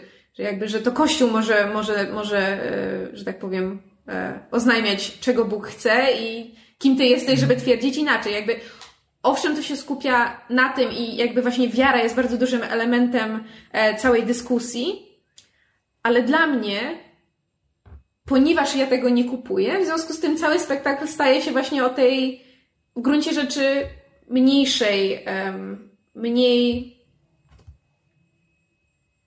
oczywistej warstwie jakby e, seksizmu e, i, i tego, że prawda, że Joanna Dark powinna e, zdjąć zbroję, założyć z powrotem czepek i, i fartuch i siedzieć w, kuchni i nie, i nie szczekać. E, i to nie jest tak, że tego elementu w ogóle w sztuce nie ma, bo jakby właśnie to uwspółcześnienie um, realiów e, sztuki ten, ta, ta, ten kontrapunkt między, między historyczną Janną a, a, a współczesnym zarządem służy właśnie temu, żeby pokazać, jak rozmowy na temat tego, gdzie jest miejsce kobiety i na co one sobie mogą pozwolić, jest bardzo nadal aktualne, ale jednak ten element religii bardzo sztukę dominuje. I z tego względu dla mnie wszelkie dyskusje na ten temat to jest po prostu właśnie pusta retoryka. Oni się przerzucają fantastycznymi argumentami. To jest po prostu, e, to, jest fantastyczna sztuka e, prawnicza, czy jakby sądowa pod tym względem. E, i, I strasznie fajnie się to, się, się, się to oglądało, właśnie to, jak oni się przerzucają argumentami i, i to, jak punkt e, widzenia e, widza może się zmienić zależnie od tego, kto, kto w danym momencie mówi, bo jakby i jedni i drudzy mają rację, ale z drugiej strony żaden z nich nie ma racji, bo w momencie, kiedy dyskusja jest prowadzona pomiędzy mnie Bóg powiedział, nie, nie, nie, a nam Bóg powiedział, no to, to ja wysiadam. To teraz Marcin powiedział. tak, no to jest po prostu, właśnie to jest pusta retoryka, no jakby nie, nie mają żadnych podstaw, żeby tak twierdzić. Znaczy oni myślą, że mają, ale ja wiem lepiej. jeśli można tak, jeśli mogę tak, e, tak to sformułować. E, i, I w sumie dość ciekawie mi się właśnie tę sztukę z tego względu oglądało, że jakby um, mimo tego, że czuję bardzo um, że, że mam wiele silnych, że tak powiem, uczuć i przemyśleń związanych z losami Joanny Dark i tym, co jej się przy, przydarzyło i jakby jak ten proces się rozegrał, to to główną moją emocją jest frustracja i takie, takie zwykłe jakieś takie wkurzenie czemu tyle złego się, się, się wydarzyło o coś takiego. Głębokie. No. Nie, no, do, rozumiem, e, jakby to ująć, zastrzeżenia, obiekcje. No to tak jakby, wiesz, nie wiem, oglądał, jako, jako ateista oglądał sztukę o, nie wiem, kłótniach między chrześcijanami, Żydami i muzułmanami o to, który Bóg jest prawdziwy. W sensie siedzisz i oglądasz na zasadzie wszyscy nie macie racji, więc po co ja to oglądam? Nie, ale wiesz co, na przykład nie, nie tak dawno temu byłam e, na musicalu Jesus Christ Superstar wystawianym w e, Teatrze Ramp w Warszawie. I to był pierwszy raz, kiedy ja ten, ten musical w ogóle widziałam, bo jakby mimo, że jest znany i istnieje kilka wersji, istnieją przynajmniej dwie wersje filmowe i kilka wersji scenicznych, które można w całości obejrzeć na przykład na YouTubie. E, nigdy wcześniej nie, nie byłam, e, nie miałam przyjemności go oglądać, jakby znałam tylko tę jedną, prawda, piosenkę e, Jesus Christ Superstar. E, I, I było to dla mnie też ciekawe doświadczenie, bo jakby ja przyznaję, że na przykład ja poszłam na pasję Mela Gibsona i wyszłam straumatyzowana in a good way, if that makes sense. To znaczy jakby... Nie. Okej, okay, ja wiem, że ludzie mają bardzo wiele do zarzucenia temu filmowi, ale dla mnie pokazanie bardzo dobitnie i um, brutalnie tego, przez co w domyśle przeszedł Jezus Chrystus na drodze krzyżowej, było dla mnie jako osoby niewierzącej bardzo ważne. To znaczy, wiesz, można czytać i słyszeć o tym bardzo wiele, ale zobaczyć to na ekranie jednak to jest trochę co innego. Ja to naprawdę bardzo mocno przeżyłam i jakby nabrałam, zmieniło to w pewnym sensie mój punkt widzenia. E, w związku z tym to nie jest tak, że jakby jako osoba niewierząca w ogóle historie religijne czy związane w jakiś sposób Biblią mnie nie ruszają. Owszem, ruszają, tylko nie wszystkie. I na przykład Jesus Christ Superstar był o tyle ciekawy, że właśnie tam mamy, prawda, Jezusa jako, jako, e, jako głównego bohatera i też mamy te konflikty religijne i wszystko się kręci wokół wiary, ale z drugiej strony, ponieważ, ponieważ jakby Jezus stoi przed nami i śpiewa, e, w większości śpiewa, bo tam praktycznie kwestii mówionych jest bardzo niewiele i, i tak samo z Judaszem, z Marią Magdaleną i z, na przykład z Piłatem, ponieważ to jest jakby rzeczywisty człowiek, który przed nami stoi, to jego problemy też są rzeczywiste. Znaczy, jakby owszem, tam są te dylematy pod tytułem um, Bóg, Bóg, prawda, czegoś ode mnie chce i, i, i, ja nie wiem, czy jestem gotowy to spełnić. I jakby to, znaczy, nie, to nie jest czymś... Jakby, jak, znaczy, jak tak mówisz o tej Joannie, no to jakby mam wrażenie, że głównym konfliktem jest to, czy e, czy Boga należy doświadczać jakby prywatnie, osobiście, czy należy go doświadczać poprzez Kościół i poprzez właśnie tą instytucję Kościoła? Co na przykład właśnie jakby, jeśli w ogóle uważasz, że znaczy tak, ja nie mam jeśli w ogóle nie doświadczasz Boga, to to w jaki sposób go, jeśli film, nie film, tylko sztuka dotyczy tego, w jaki sposób go doświadczać, no to w ogóle do ciebie nie trafi. Nie? Znaczy, nie, bo to są to jest dwie... duży wątek, no i zakładam, że to nie jest wszystko, Ale nie, bo to są, jest, to są w ogóle prostu... dwie osobne kwestie. Znaczy, nawet nie tyle osobne, bardzo połączone. Pomyliłam się. Um, nawet nie jest kwestia tego, jak, jak jakby przeżywasz Boga, jaki ma, jaką masz z nim relację, tylko ja nie wiem, czy ja to kiedyś w podcaście mówiłam, ja nie mam problemu z wiarą, ja mam problem z religią, z zorganizowaną mhm. religią, z kościołem, nieważne czy katolickim, czy jakimkolwiek innym. Z, z religią zorganizowaną. I jakby właśnie w, w świętej Joannie mam tego przykład, dlatego że to, że to, że oni wierzą w, w Boga, to jakby dla mnie nie jest problemem. Problemem jest dla mnie, co oni robią w ramach tej swojej wiary w Boga i jakby to, że konflikt między nimi wynika z tego, że że niby wierzą w tego samego Boga, ale każdy, każdy każdemu, znaczy Bóg im mówi co innego, co no jakby tak. wynika z nich. To, jakby, to, to, nie Bóg im mówi co innego, to jest ich problem. E, I jakby między innymi dlatego w, w, w świętej Joannie mam właśnie jakby na przykład fanatyzm świętej Joanny jest dla mnie problemem, dlatego że okej, okay, ona może myśleć, że, że, że ma rację i że robi dobrze, no ale jakby Ludzie giną, a poza tym jej cudowny argument, który się wielokrotnie w sztuce przewija pod tytułem Bóg dał nam Francję, żebyśmy sobie w niej żyli i mówili po francusku, w związku z tym Brytyjczycy, znaczy Anglicy nie mają co tutaj robić, bo Bóg dał nam Francję. Jest takie, nie, byście sobie Francję wzięli i ustalili jej granice, Bóg nie ma tutaj nic do rzeczy, ale nieważne. E, I tego typu podejście jest właśnie dla mnie, e, było dla mnie problematyczne, czy jest dla mnie problematyczne. I tak samo właśnie z, z przeciwnej strony ten, ten punkt widzenia, e, prawda, tego, tego sądu, który Joanna oskarża pod tytułem my jesteśmy kościołem, my wiemy, co, co Bóg miał na myśli i czego tak naprawdę od nas chce, to też jest dla mnie problematyczne, bo jakby, no, nie. E, natomiast, tak jak mówiłam o, o Jesus Christ Superstar, fakt, że, że jakby Jezus stoi przede mną na scenie i, i, i basically prowadzi dyskusję ze swoim ojcem, który czegoś od niego chce, a Jezus się zastanawia, czy jest, jest na to gotów, czy jest w stanie to spełnić, to jest coś, co ja rozumiem, bo to jest jakby bardzo realny problem, który wiele osób może mieć. I jakby to jest, to jest część tej sztuki, żeby właśnie, yy, to jest element tej sztuki, żeby pokazać to w ten sposób. Eee, w związku z tym, tu, tu jakby nie mam z tym problemu, bo właśnie to jest jakby osobista relacja danej postaci e, z Bogiem i jakby na tym to się skupia, już abstrahując od, prawda, nauczeń Jezusa całej, całej reszty chrześcijaństwa i, i tego, jak, jak jego historia się kończy, jakie tam są konflikty na tle religijnym. A po prostu z, ponieważ um, ponieważ tak dużym elementem świętej Joanny jako sztuki jest kwestia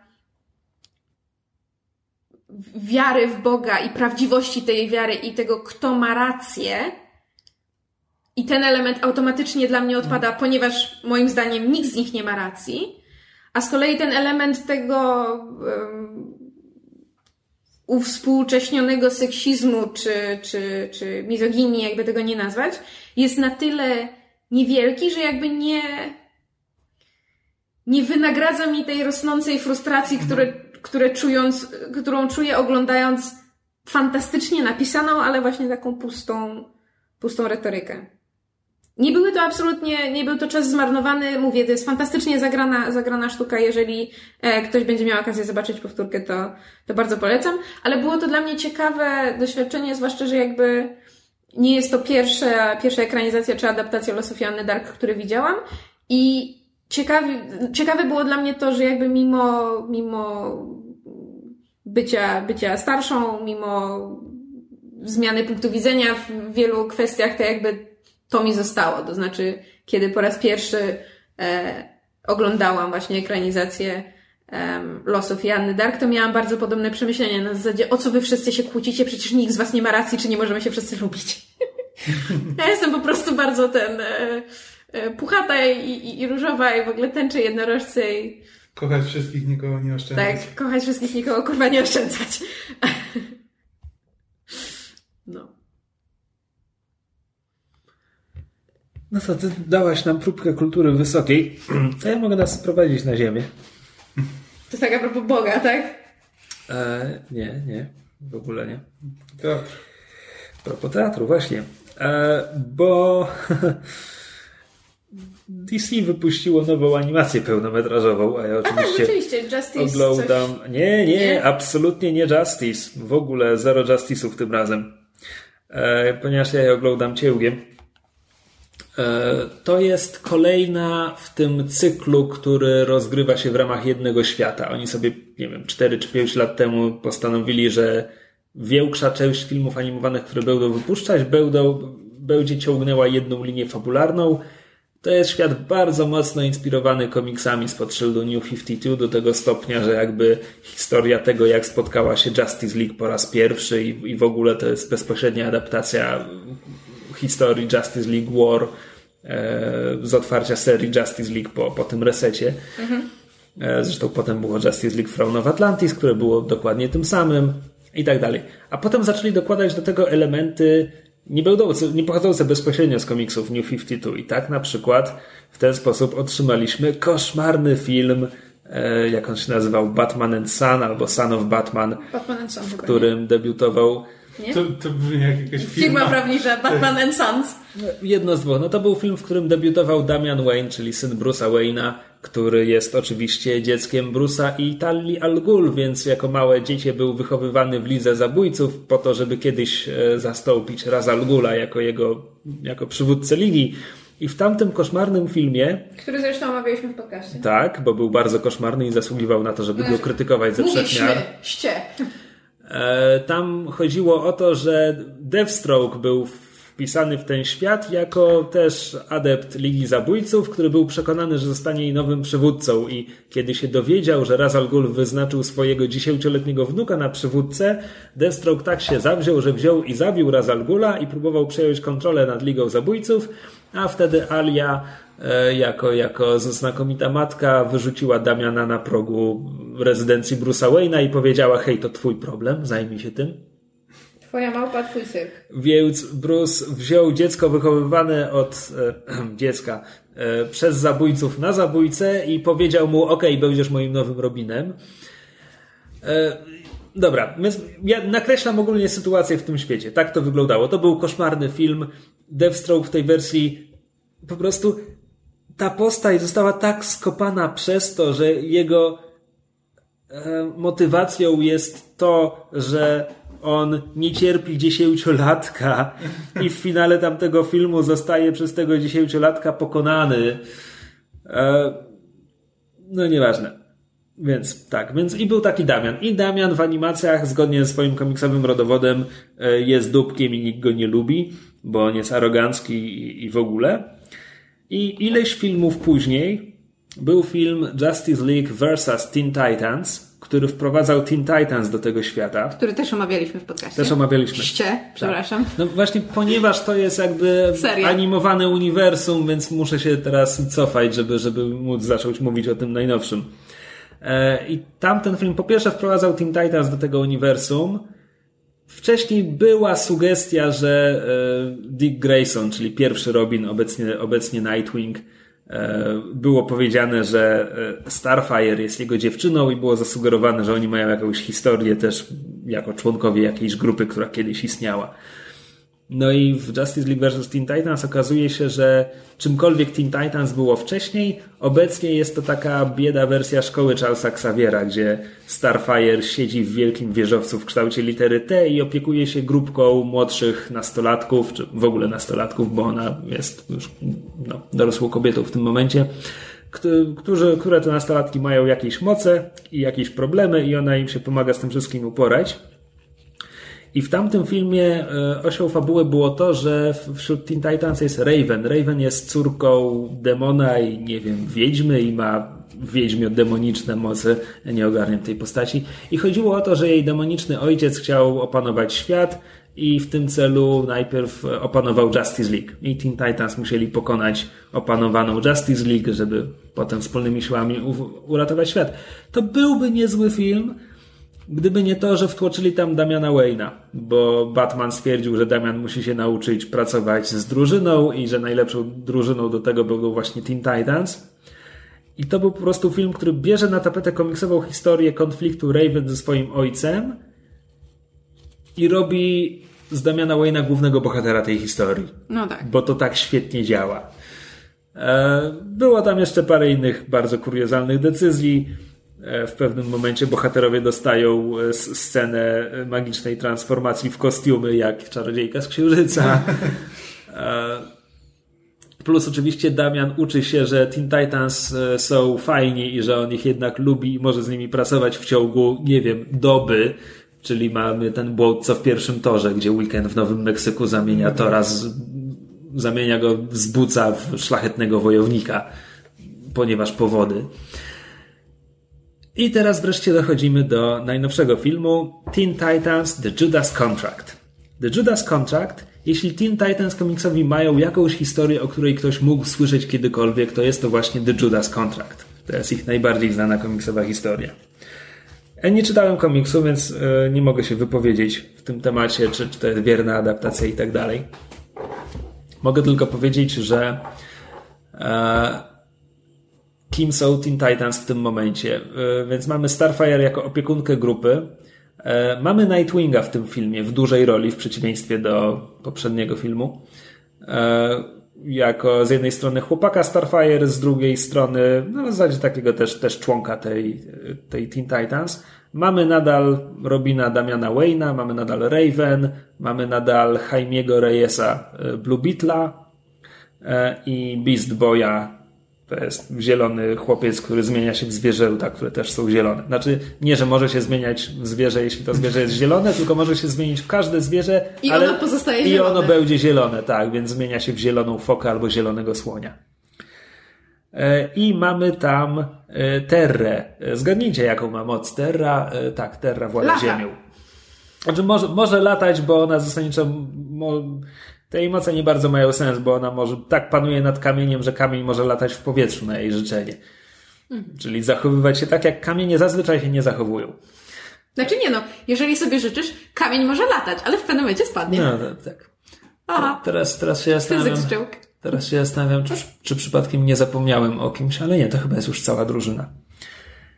E, I tak, w ogóle film się zaczyna bardzo fajnie, bo zaczyna się od retrospekcji sprzed pięciu lat, gdzie widzimy właśnie tych oryginalnych Teen Titans, więc jest Dick, który jeszcze jest Robinem, e, jest tam Kid Flash, jest e, Speedy, czyli ten pomocnik podopieczny Green Arrowa, e, jest tam też Beast Boy i tego do końca nie rozumiem, bo on potem jest w teraźniejszości i wcale nie wygląda na starszego, więc nie wiem, czy on się nigdy nie starzeje, a, a ja o tym po prostu nie wiem, czy może on w tej retrospekcji ma 10 lat, a w teraźniejszości ma 15 lat.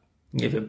I to jest retrospekcja z dnia, w którym poznali Koriander, czyli Starfire, która jest kosmiczną księżniczką, e, którą ściga jej własny lud.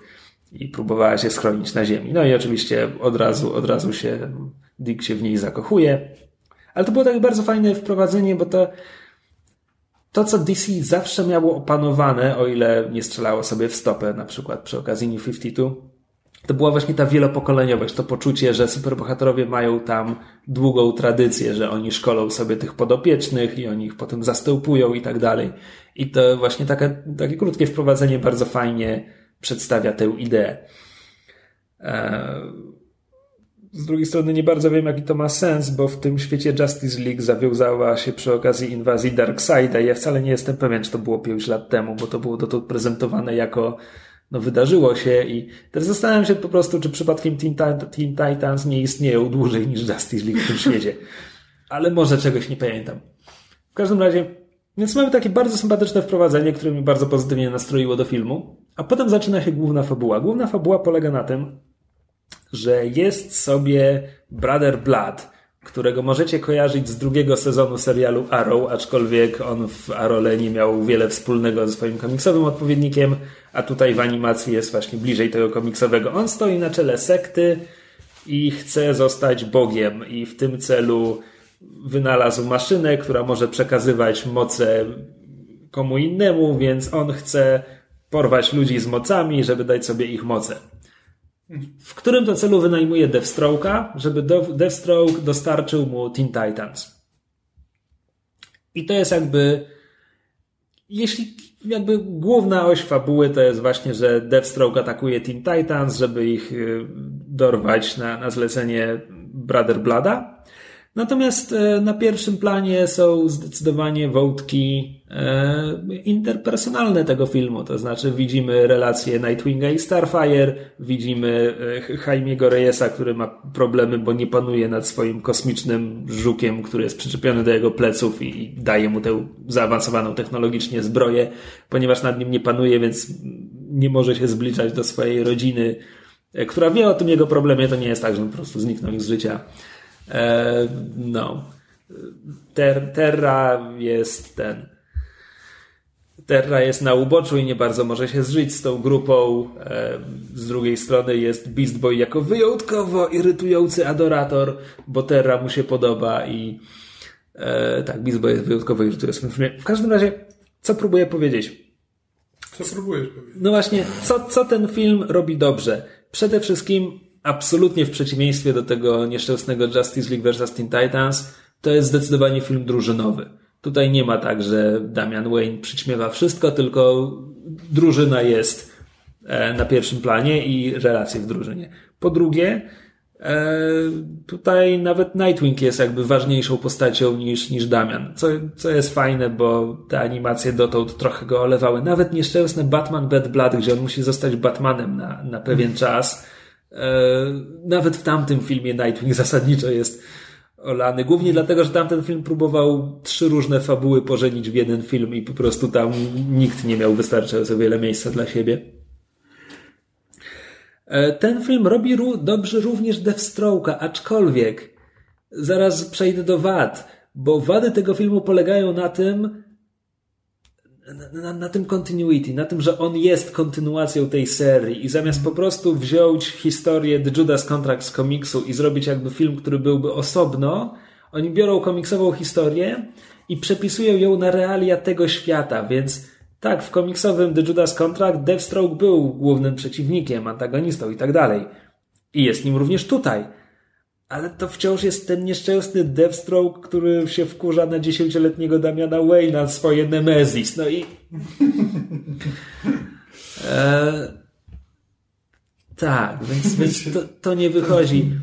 Dalej, dalej mamy, mamy, mamy tego nieszczęsnego Brother Blada, którego Wołtek jest on jest nudny. On jest tak strasznie kosmicznie nudny. On jest tam praktycznie tylko po to, żeby w finale grupa miała potężnego przeciwnika z wieloma różnymi mocami, z którym może się bić, bo gdyby w finale mieli się bić tylko z Deathstroke'iem, no to trudno by było napisać tę walkę, żeby to było logiczne, że grupa ludzi z supermocami nie może sobie poradzić z jednym człowiekiem bez. Więc ten Brother Blood tam jest, żeby oni mieli co robić, tylko że on jest nudny i powinni byli go wywalić z tego filmu. No i wreszcie jest motyw, ponieważ rzecz nazywa się Judas Contract, więc może wiecie, może nie wiecie, ale chodzi o to, że Deathstroke ma w Teen Titans wtykę i ja nie będę wskazywał palcem, kto to jest, bo jak ktoś nie zna historii, to może to będzie zaskoczenie. Wątpię, ale może. A i to jest wątek, który wypada tutaj całkiem nieźle, bo oczywiście agent Deathstroke'a zaczyna mieć w pewnym momencie wątpliwości, bo się mimo wszystko z tą grupą jakoś trochę zżył i pojawiają się problemy i może nawet trochę podwójna lojalność. I to wszystko wypada bardzo fajnie. E, niefajnie trochę wypada relacja Deathstroke'a ze swoim agentem, bo bo pojawiają się seksualne sugestie, a mówimy o okay. postaci nastoletniej, to to z tego co kojarzę, a znowu ja nie czytałem tych komiksów, w komiksach to nie były tylko sugestie i tam to było hmm. jeszcze gorsze. E, tak. No w każdym razie zasadniczo z tych filmów animowanych, które składają się na tę serię inspirowaną New 52, to jest najlepszy z nich to wciąż jest niska poprzeczka, bo jakby dotąd no tak. za najlepszy uznawałem Bad Blood głównie dlatego, że było tam dużo fanserwisu, który mi się spodobał, bo to, to był przyjemny film, ale to nie był dobry film, ani dobra historia. Tutaj to jest niezła historia, która mogłaby być dużo lepsza, gdyby nie wiele problemów. Mm. Myszu, ciekawostka dla ciebie. E, w tym filmie pojawia się Kevin Smith. Nie, że kogoś dubbinguje. Znaczy, dubbinguje kogoś. Dubbinguje Kevina Smitha. E, więc jest animowany Kevin Smith. E, okay. Tak. E, jako autor podcastu, który nazywa się Podcast Kevina Smitha. Okay? E, bo, bo przeprowadza wywiad z jednym z bohaterów. W tym filmie pojawia się też konwent. E, i w pewnym momencie w tle widzimy właśnie tam Beast Boy rozmawia z Kevinem Smithem, a w tle przechodzi cosplayerka w kostiumie Harley Quinn, tym klasycznym. I jasne, meta, nawiązanie, spoko, ale jeśli w tym świecie jest Harley Quinn, to jest albo morderczynią, albo przynajmniej asystentką wielokrotnego mordercy. Zastanawiam się, co to mówi o konwentach w tym świecie. Ja mam pytanie, bo tak sprawdzam, kto gra w sensie głosem. Mhm. Sean Maher jest Nightwingiem od. Sean Maher jest e, Nightwingiem właśnie w tych filmach e, roz, rozgrywających się w tej serii. E, bo na przykład w bardzo dobrym Under the Red Hood to był Neil Patrick Harris. Tak, to, to Grał pamiętam. Nightwinga, a właśnie no to tutaj w tej serii to gdzie on był? Był w Batman Bad Blood, miał małą rolę w tym Batman and Son, czy Son of Batman, czy jak to się nazywało.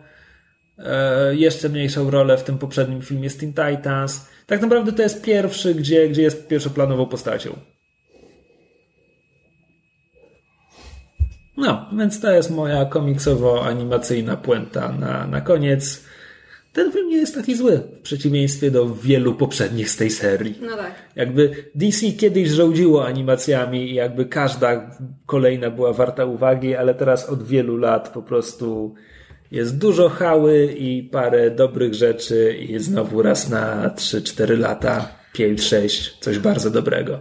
No bo teraz, no bo to są jakby filmy pełnometrażowe, tylko że wydawane tam, no, wychodzące na tam D- e, Digital no download, a po dwóch tygodniach jest premiera na DVD. z jakiegoś powodu Bo, tak ale bo jakby seriale ty, też chyba jeszcze lecą jakieś animowane. tym Justice momencie- League of America. E, Justice League Action. Action. To się nazywa i to zostało już skasowane, to znaczy dokończył pierwszy sezon, ale nie będzie drugiego. Ja tego nie oglądałem. To są 10-minutowe odcinki, jakoś stawiające właśnie na scenę akcji. Słyszałem dobre rzeczy, widziałem jakieś klipy na YouTubie, Znaczy, ale pytam jakoś... dlatego, że wydaje mi się, że też Marvel ma teraz sporo animacji, bo jest Guardians Dobra, to może, okej, to rozprawmy się najpierw z DC. DC ma wciąż Teen Titans Go, które jest taką bardzo komediową, przerysowaną wersją Teen Titans. Um, I będzie trzeci sezon Young Justice, na co ja oczywiście skaczę z radości, bo Young Justice pomimo tego, że miała większe ambicje niż możliwości i trochę się na tym wykłada, to, to w dalszym ciągu to jest jeden z najlepszych seriali e, superbohaterskich. E, I w tym momencie chcę powiedzieć, że to jest wszystko. Czyli, czyli Justice League Action, które zaraz zdejmą, Teen Titans Go i Young Justice, seria trzecia, która będzie, lecz nie wiadomo kiedy. Chyba nawet nie wiadomo gdzie jeszcze. Jest gdzieś, lecz nie wiadomo gdzie. E, Natomiast Marvel w tym momencie ma e, ma animację Avengers Assemble, która zastąpiła bardzo dobre Avengers Earth's Mightiest Heroes e, i, i nie jest dobra. No, próbowałem, nie wiem, obejrzałem chyba pierwsze dwa odcinki i się poddałem. E, Ma animację Guardians of the Galaxy, która jest trochę spin-offem, w sensie Guardiansi najpierw pojawili się w Avengers Assemble i teraz mają własny serial. Nawet tego nie próbowałem, bo jakby poziom Avengers Assemble mnie zniechęcił. Niedawno ogłosili, aha, chyba wciąż mają e, serial animowany Ultimate Spider-Man, który nie jest adaptacją komiksu Ultimate Spider-Man, tylko po prostu tak się nazywa. E, I chyba już ogłosili, że albo już go zamknęli i ja jestem nie na czasie i on już nie leci od paru sezonów, albo ogłosili właśnie, że obecny sezon będzie e, ostatnim, a niedługo zastąpi go nowy serial animowany o Spider-Manie, nie pam- ty- pod tytułu nie pomnę. Wydaje mi się, że to jest w tym momencie wszystko. No, tylko Marvel jakby zrezygnował z robienia pełnometrażowych animacji. A właśnie, a te serialowe tak stoją na średnim poziomie z tego, co No, słyszę. mieli bardzo dobre Wolverine and the X-Men, to było już chyba 8 lat temu, No tak, które to- skończyło się cliffhangerem i nigdy nie powstał drugi sezon i wciąż cierpię z tego powodu. E, mieli dobre, a miejscami bardzo dobre Avengers Earth's Mightiest Heroes, które e, Jeff Loeb postanowił zamknąć, żeby ruszyć z czymś bardziej przyjaznym dla dzieci. Co oznacza po prostu coś głupszego, jakby dużo, dużo głupszego. No tak. Jakby Jeff Loeb ma chyba be, beznadziejne zdanie o amerykańskich dzieciach. Nie on jeden. Znaczy nie w sensie, że ja, ale inni ludzie też. Em, ale skoro mówimy o twórcach, którzy po- podejmują dziwne decyzje, to był, był news e, i związany z tym temat, który Kamil chyba chciał poruszyć jakieś dwa tygodnie temu, ale żeśmy o nim kompletnie zapomnieli.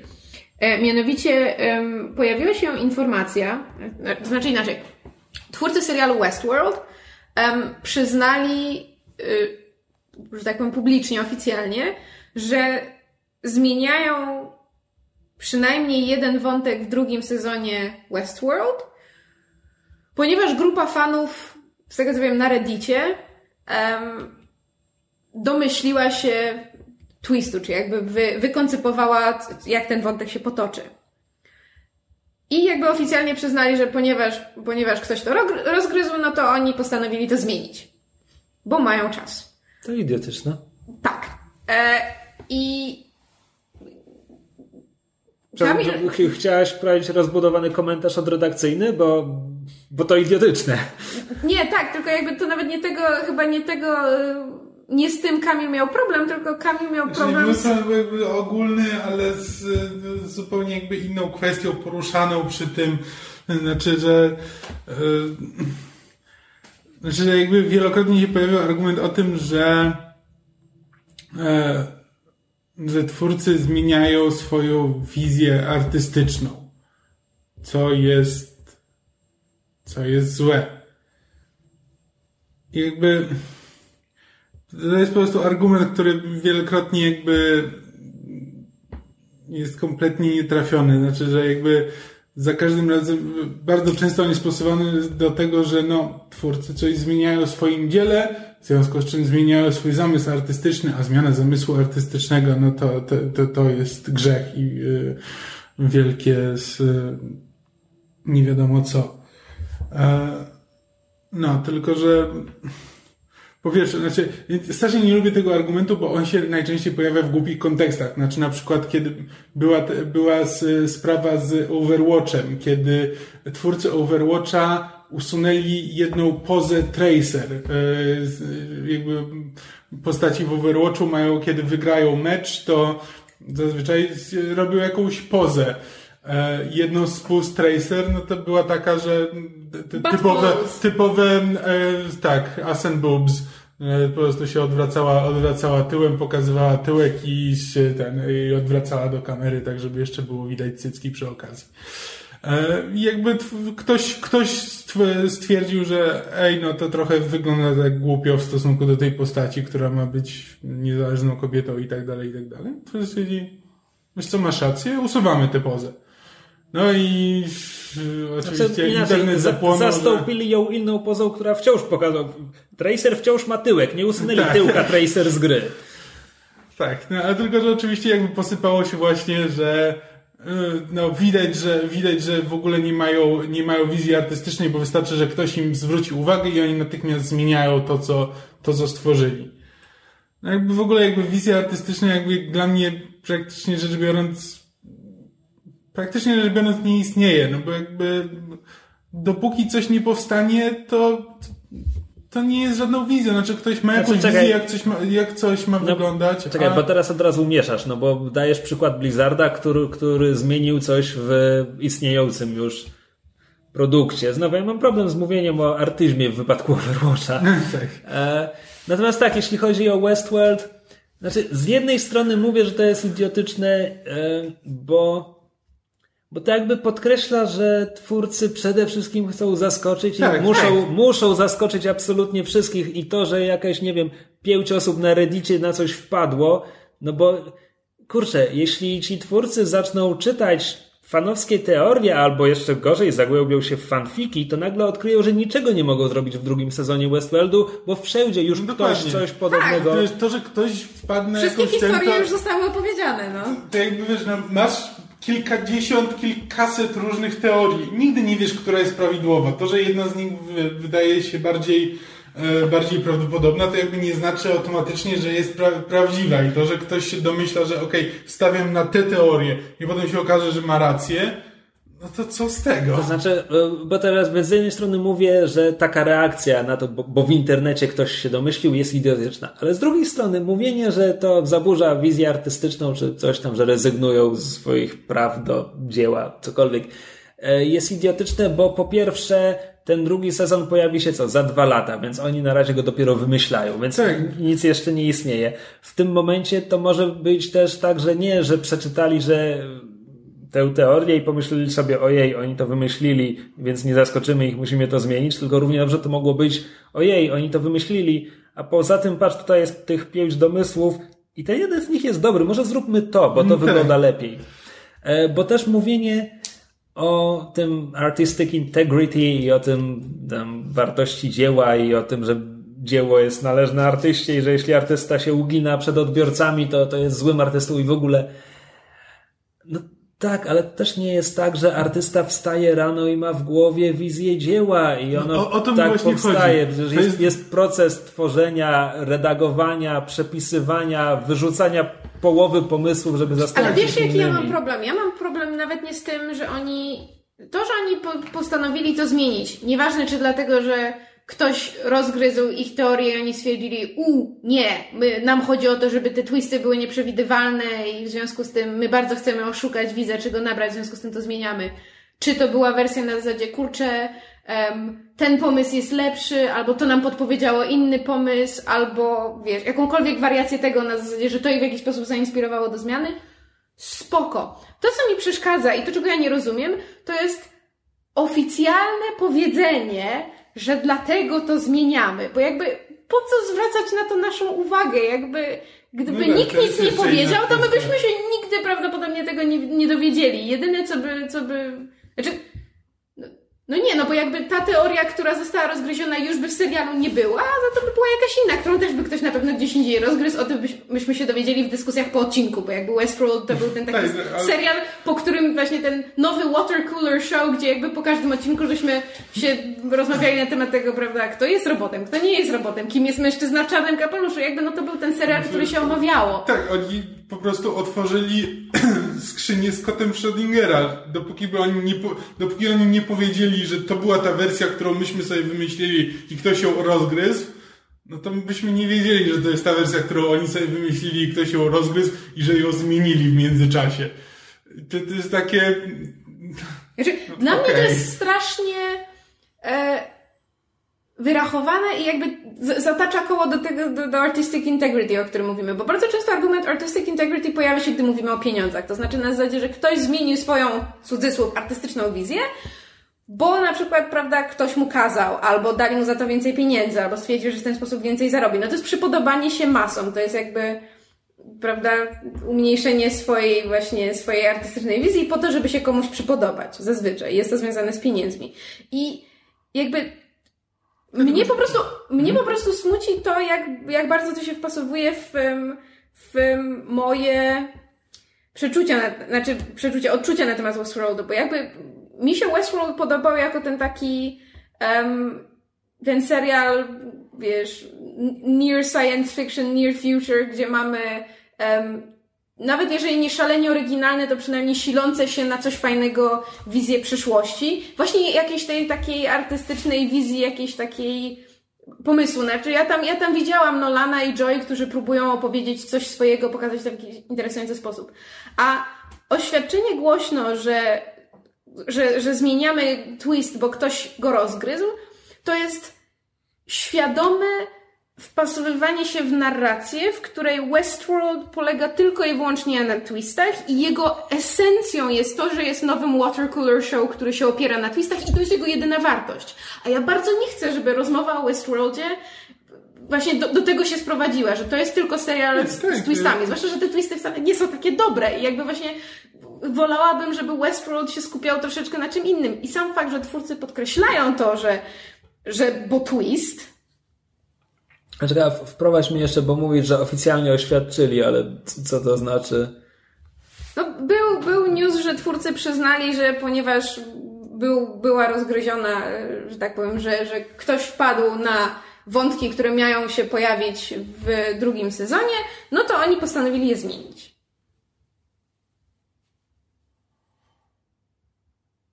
Czekaj, Mogę, bo- mogę, bo- mogę zaraz znaleźć Nie, tego nie, linka. po, po prostu określenie oficjalne, oficjalne ogłoszenie to brzmiało tak, jakby, nie wiem, wykupili stronę Wall Street Journal. Nie, no, ale wiesz- oni, to, oni to powiedzieli. To nie było tak, że plotki głoszą, że, ym, że ktoś coś zmienił, tylko oni po prostu Tak, że przyznali, że twórcy to mówiąc zmienili. o pisaniu drugiego sezonu przy, przyznali, że, że zmienili, że, że oryginalnie było co innego, że jakby wchodząc z pierwszego sezonu, pisząc drugi mieli taki pomysł, ale ktoś, ktoś już na to wpadł i rozgryzł, w związku z tym, a let's change it.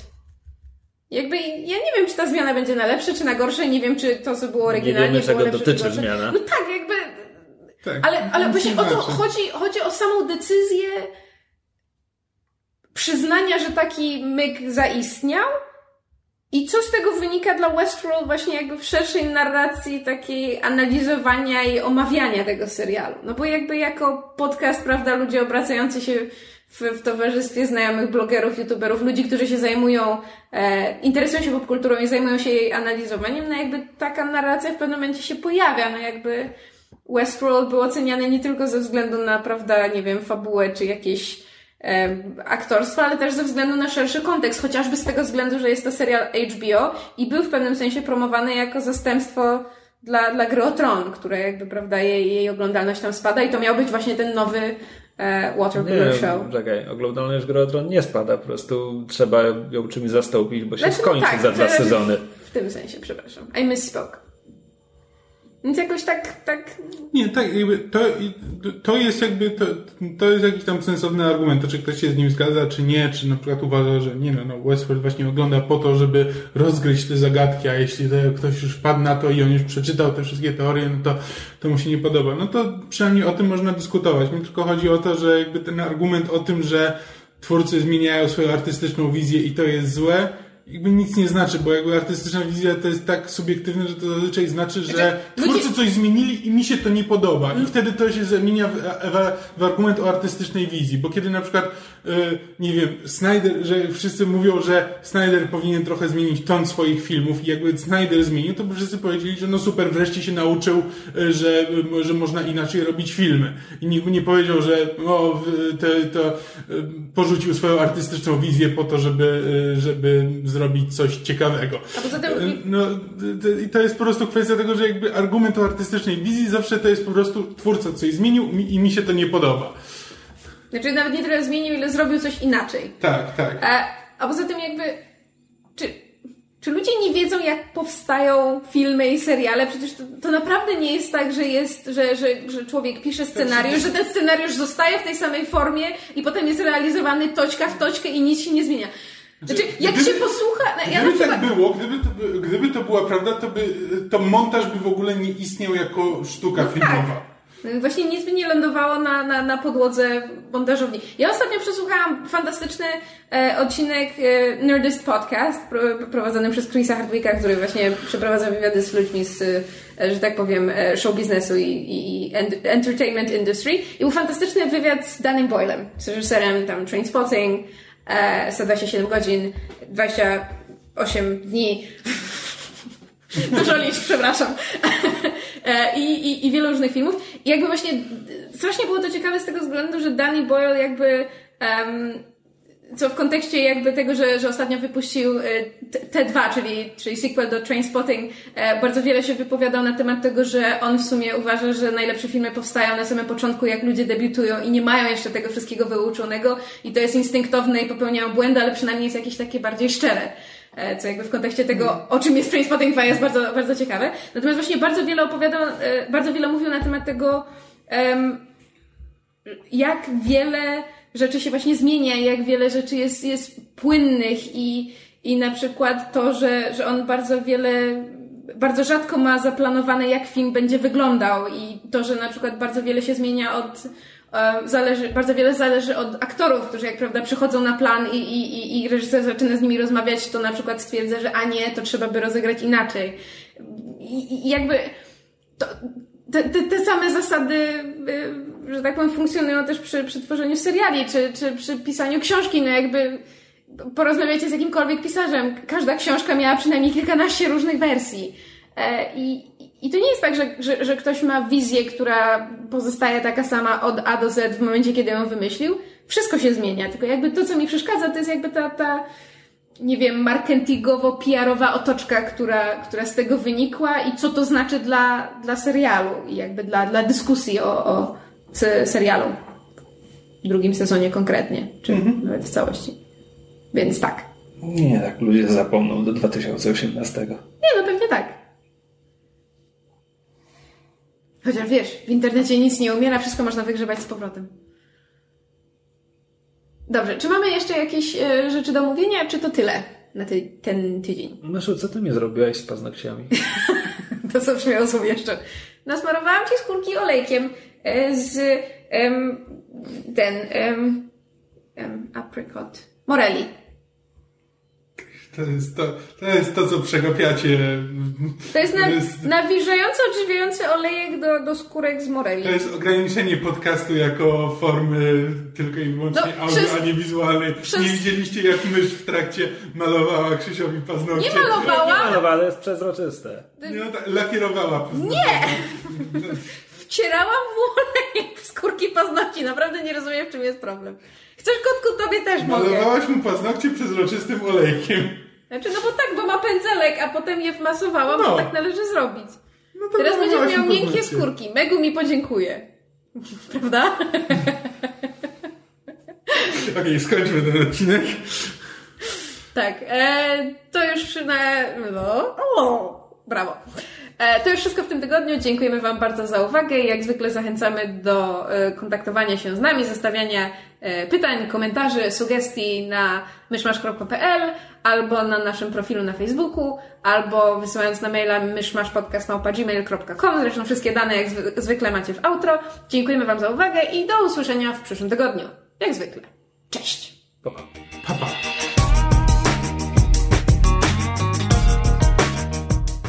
Słuchaliście podcastu Myszmasz. Możecie nas znaleźć na myszmasz.pl lub polubić nasz fanpage na Facebooku. Możecie nam także wysłać maila na myszmaszpodcast.gmail.com Jeśli do nas napiszecie, będziemy szczęśliwi jak borsuk w kaloszach.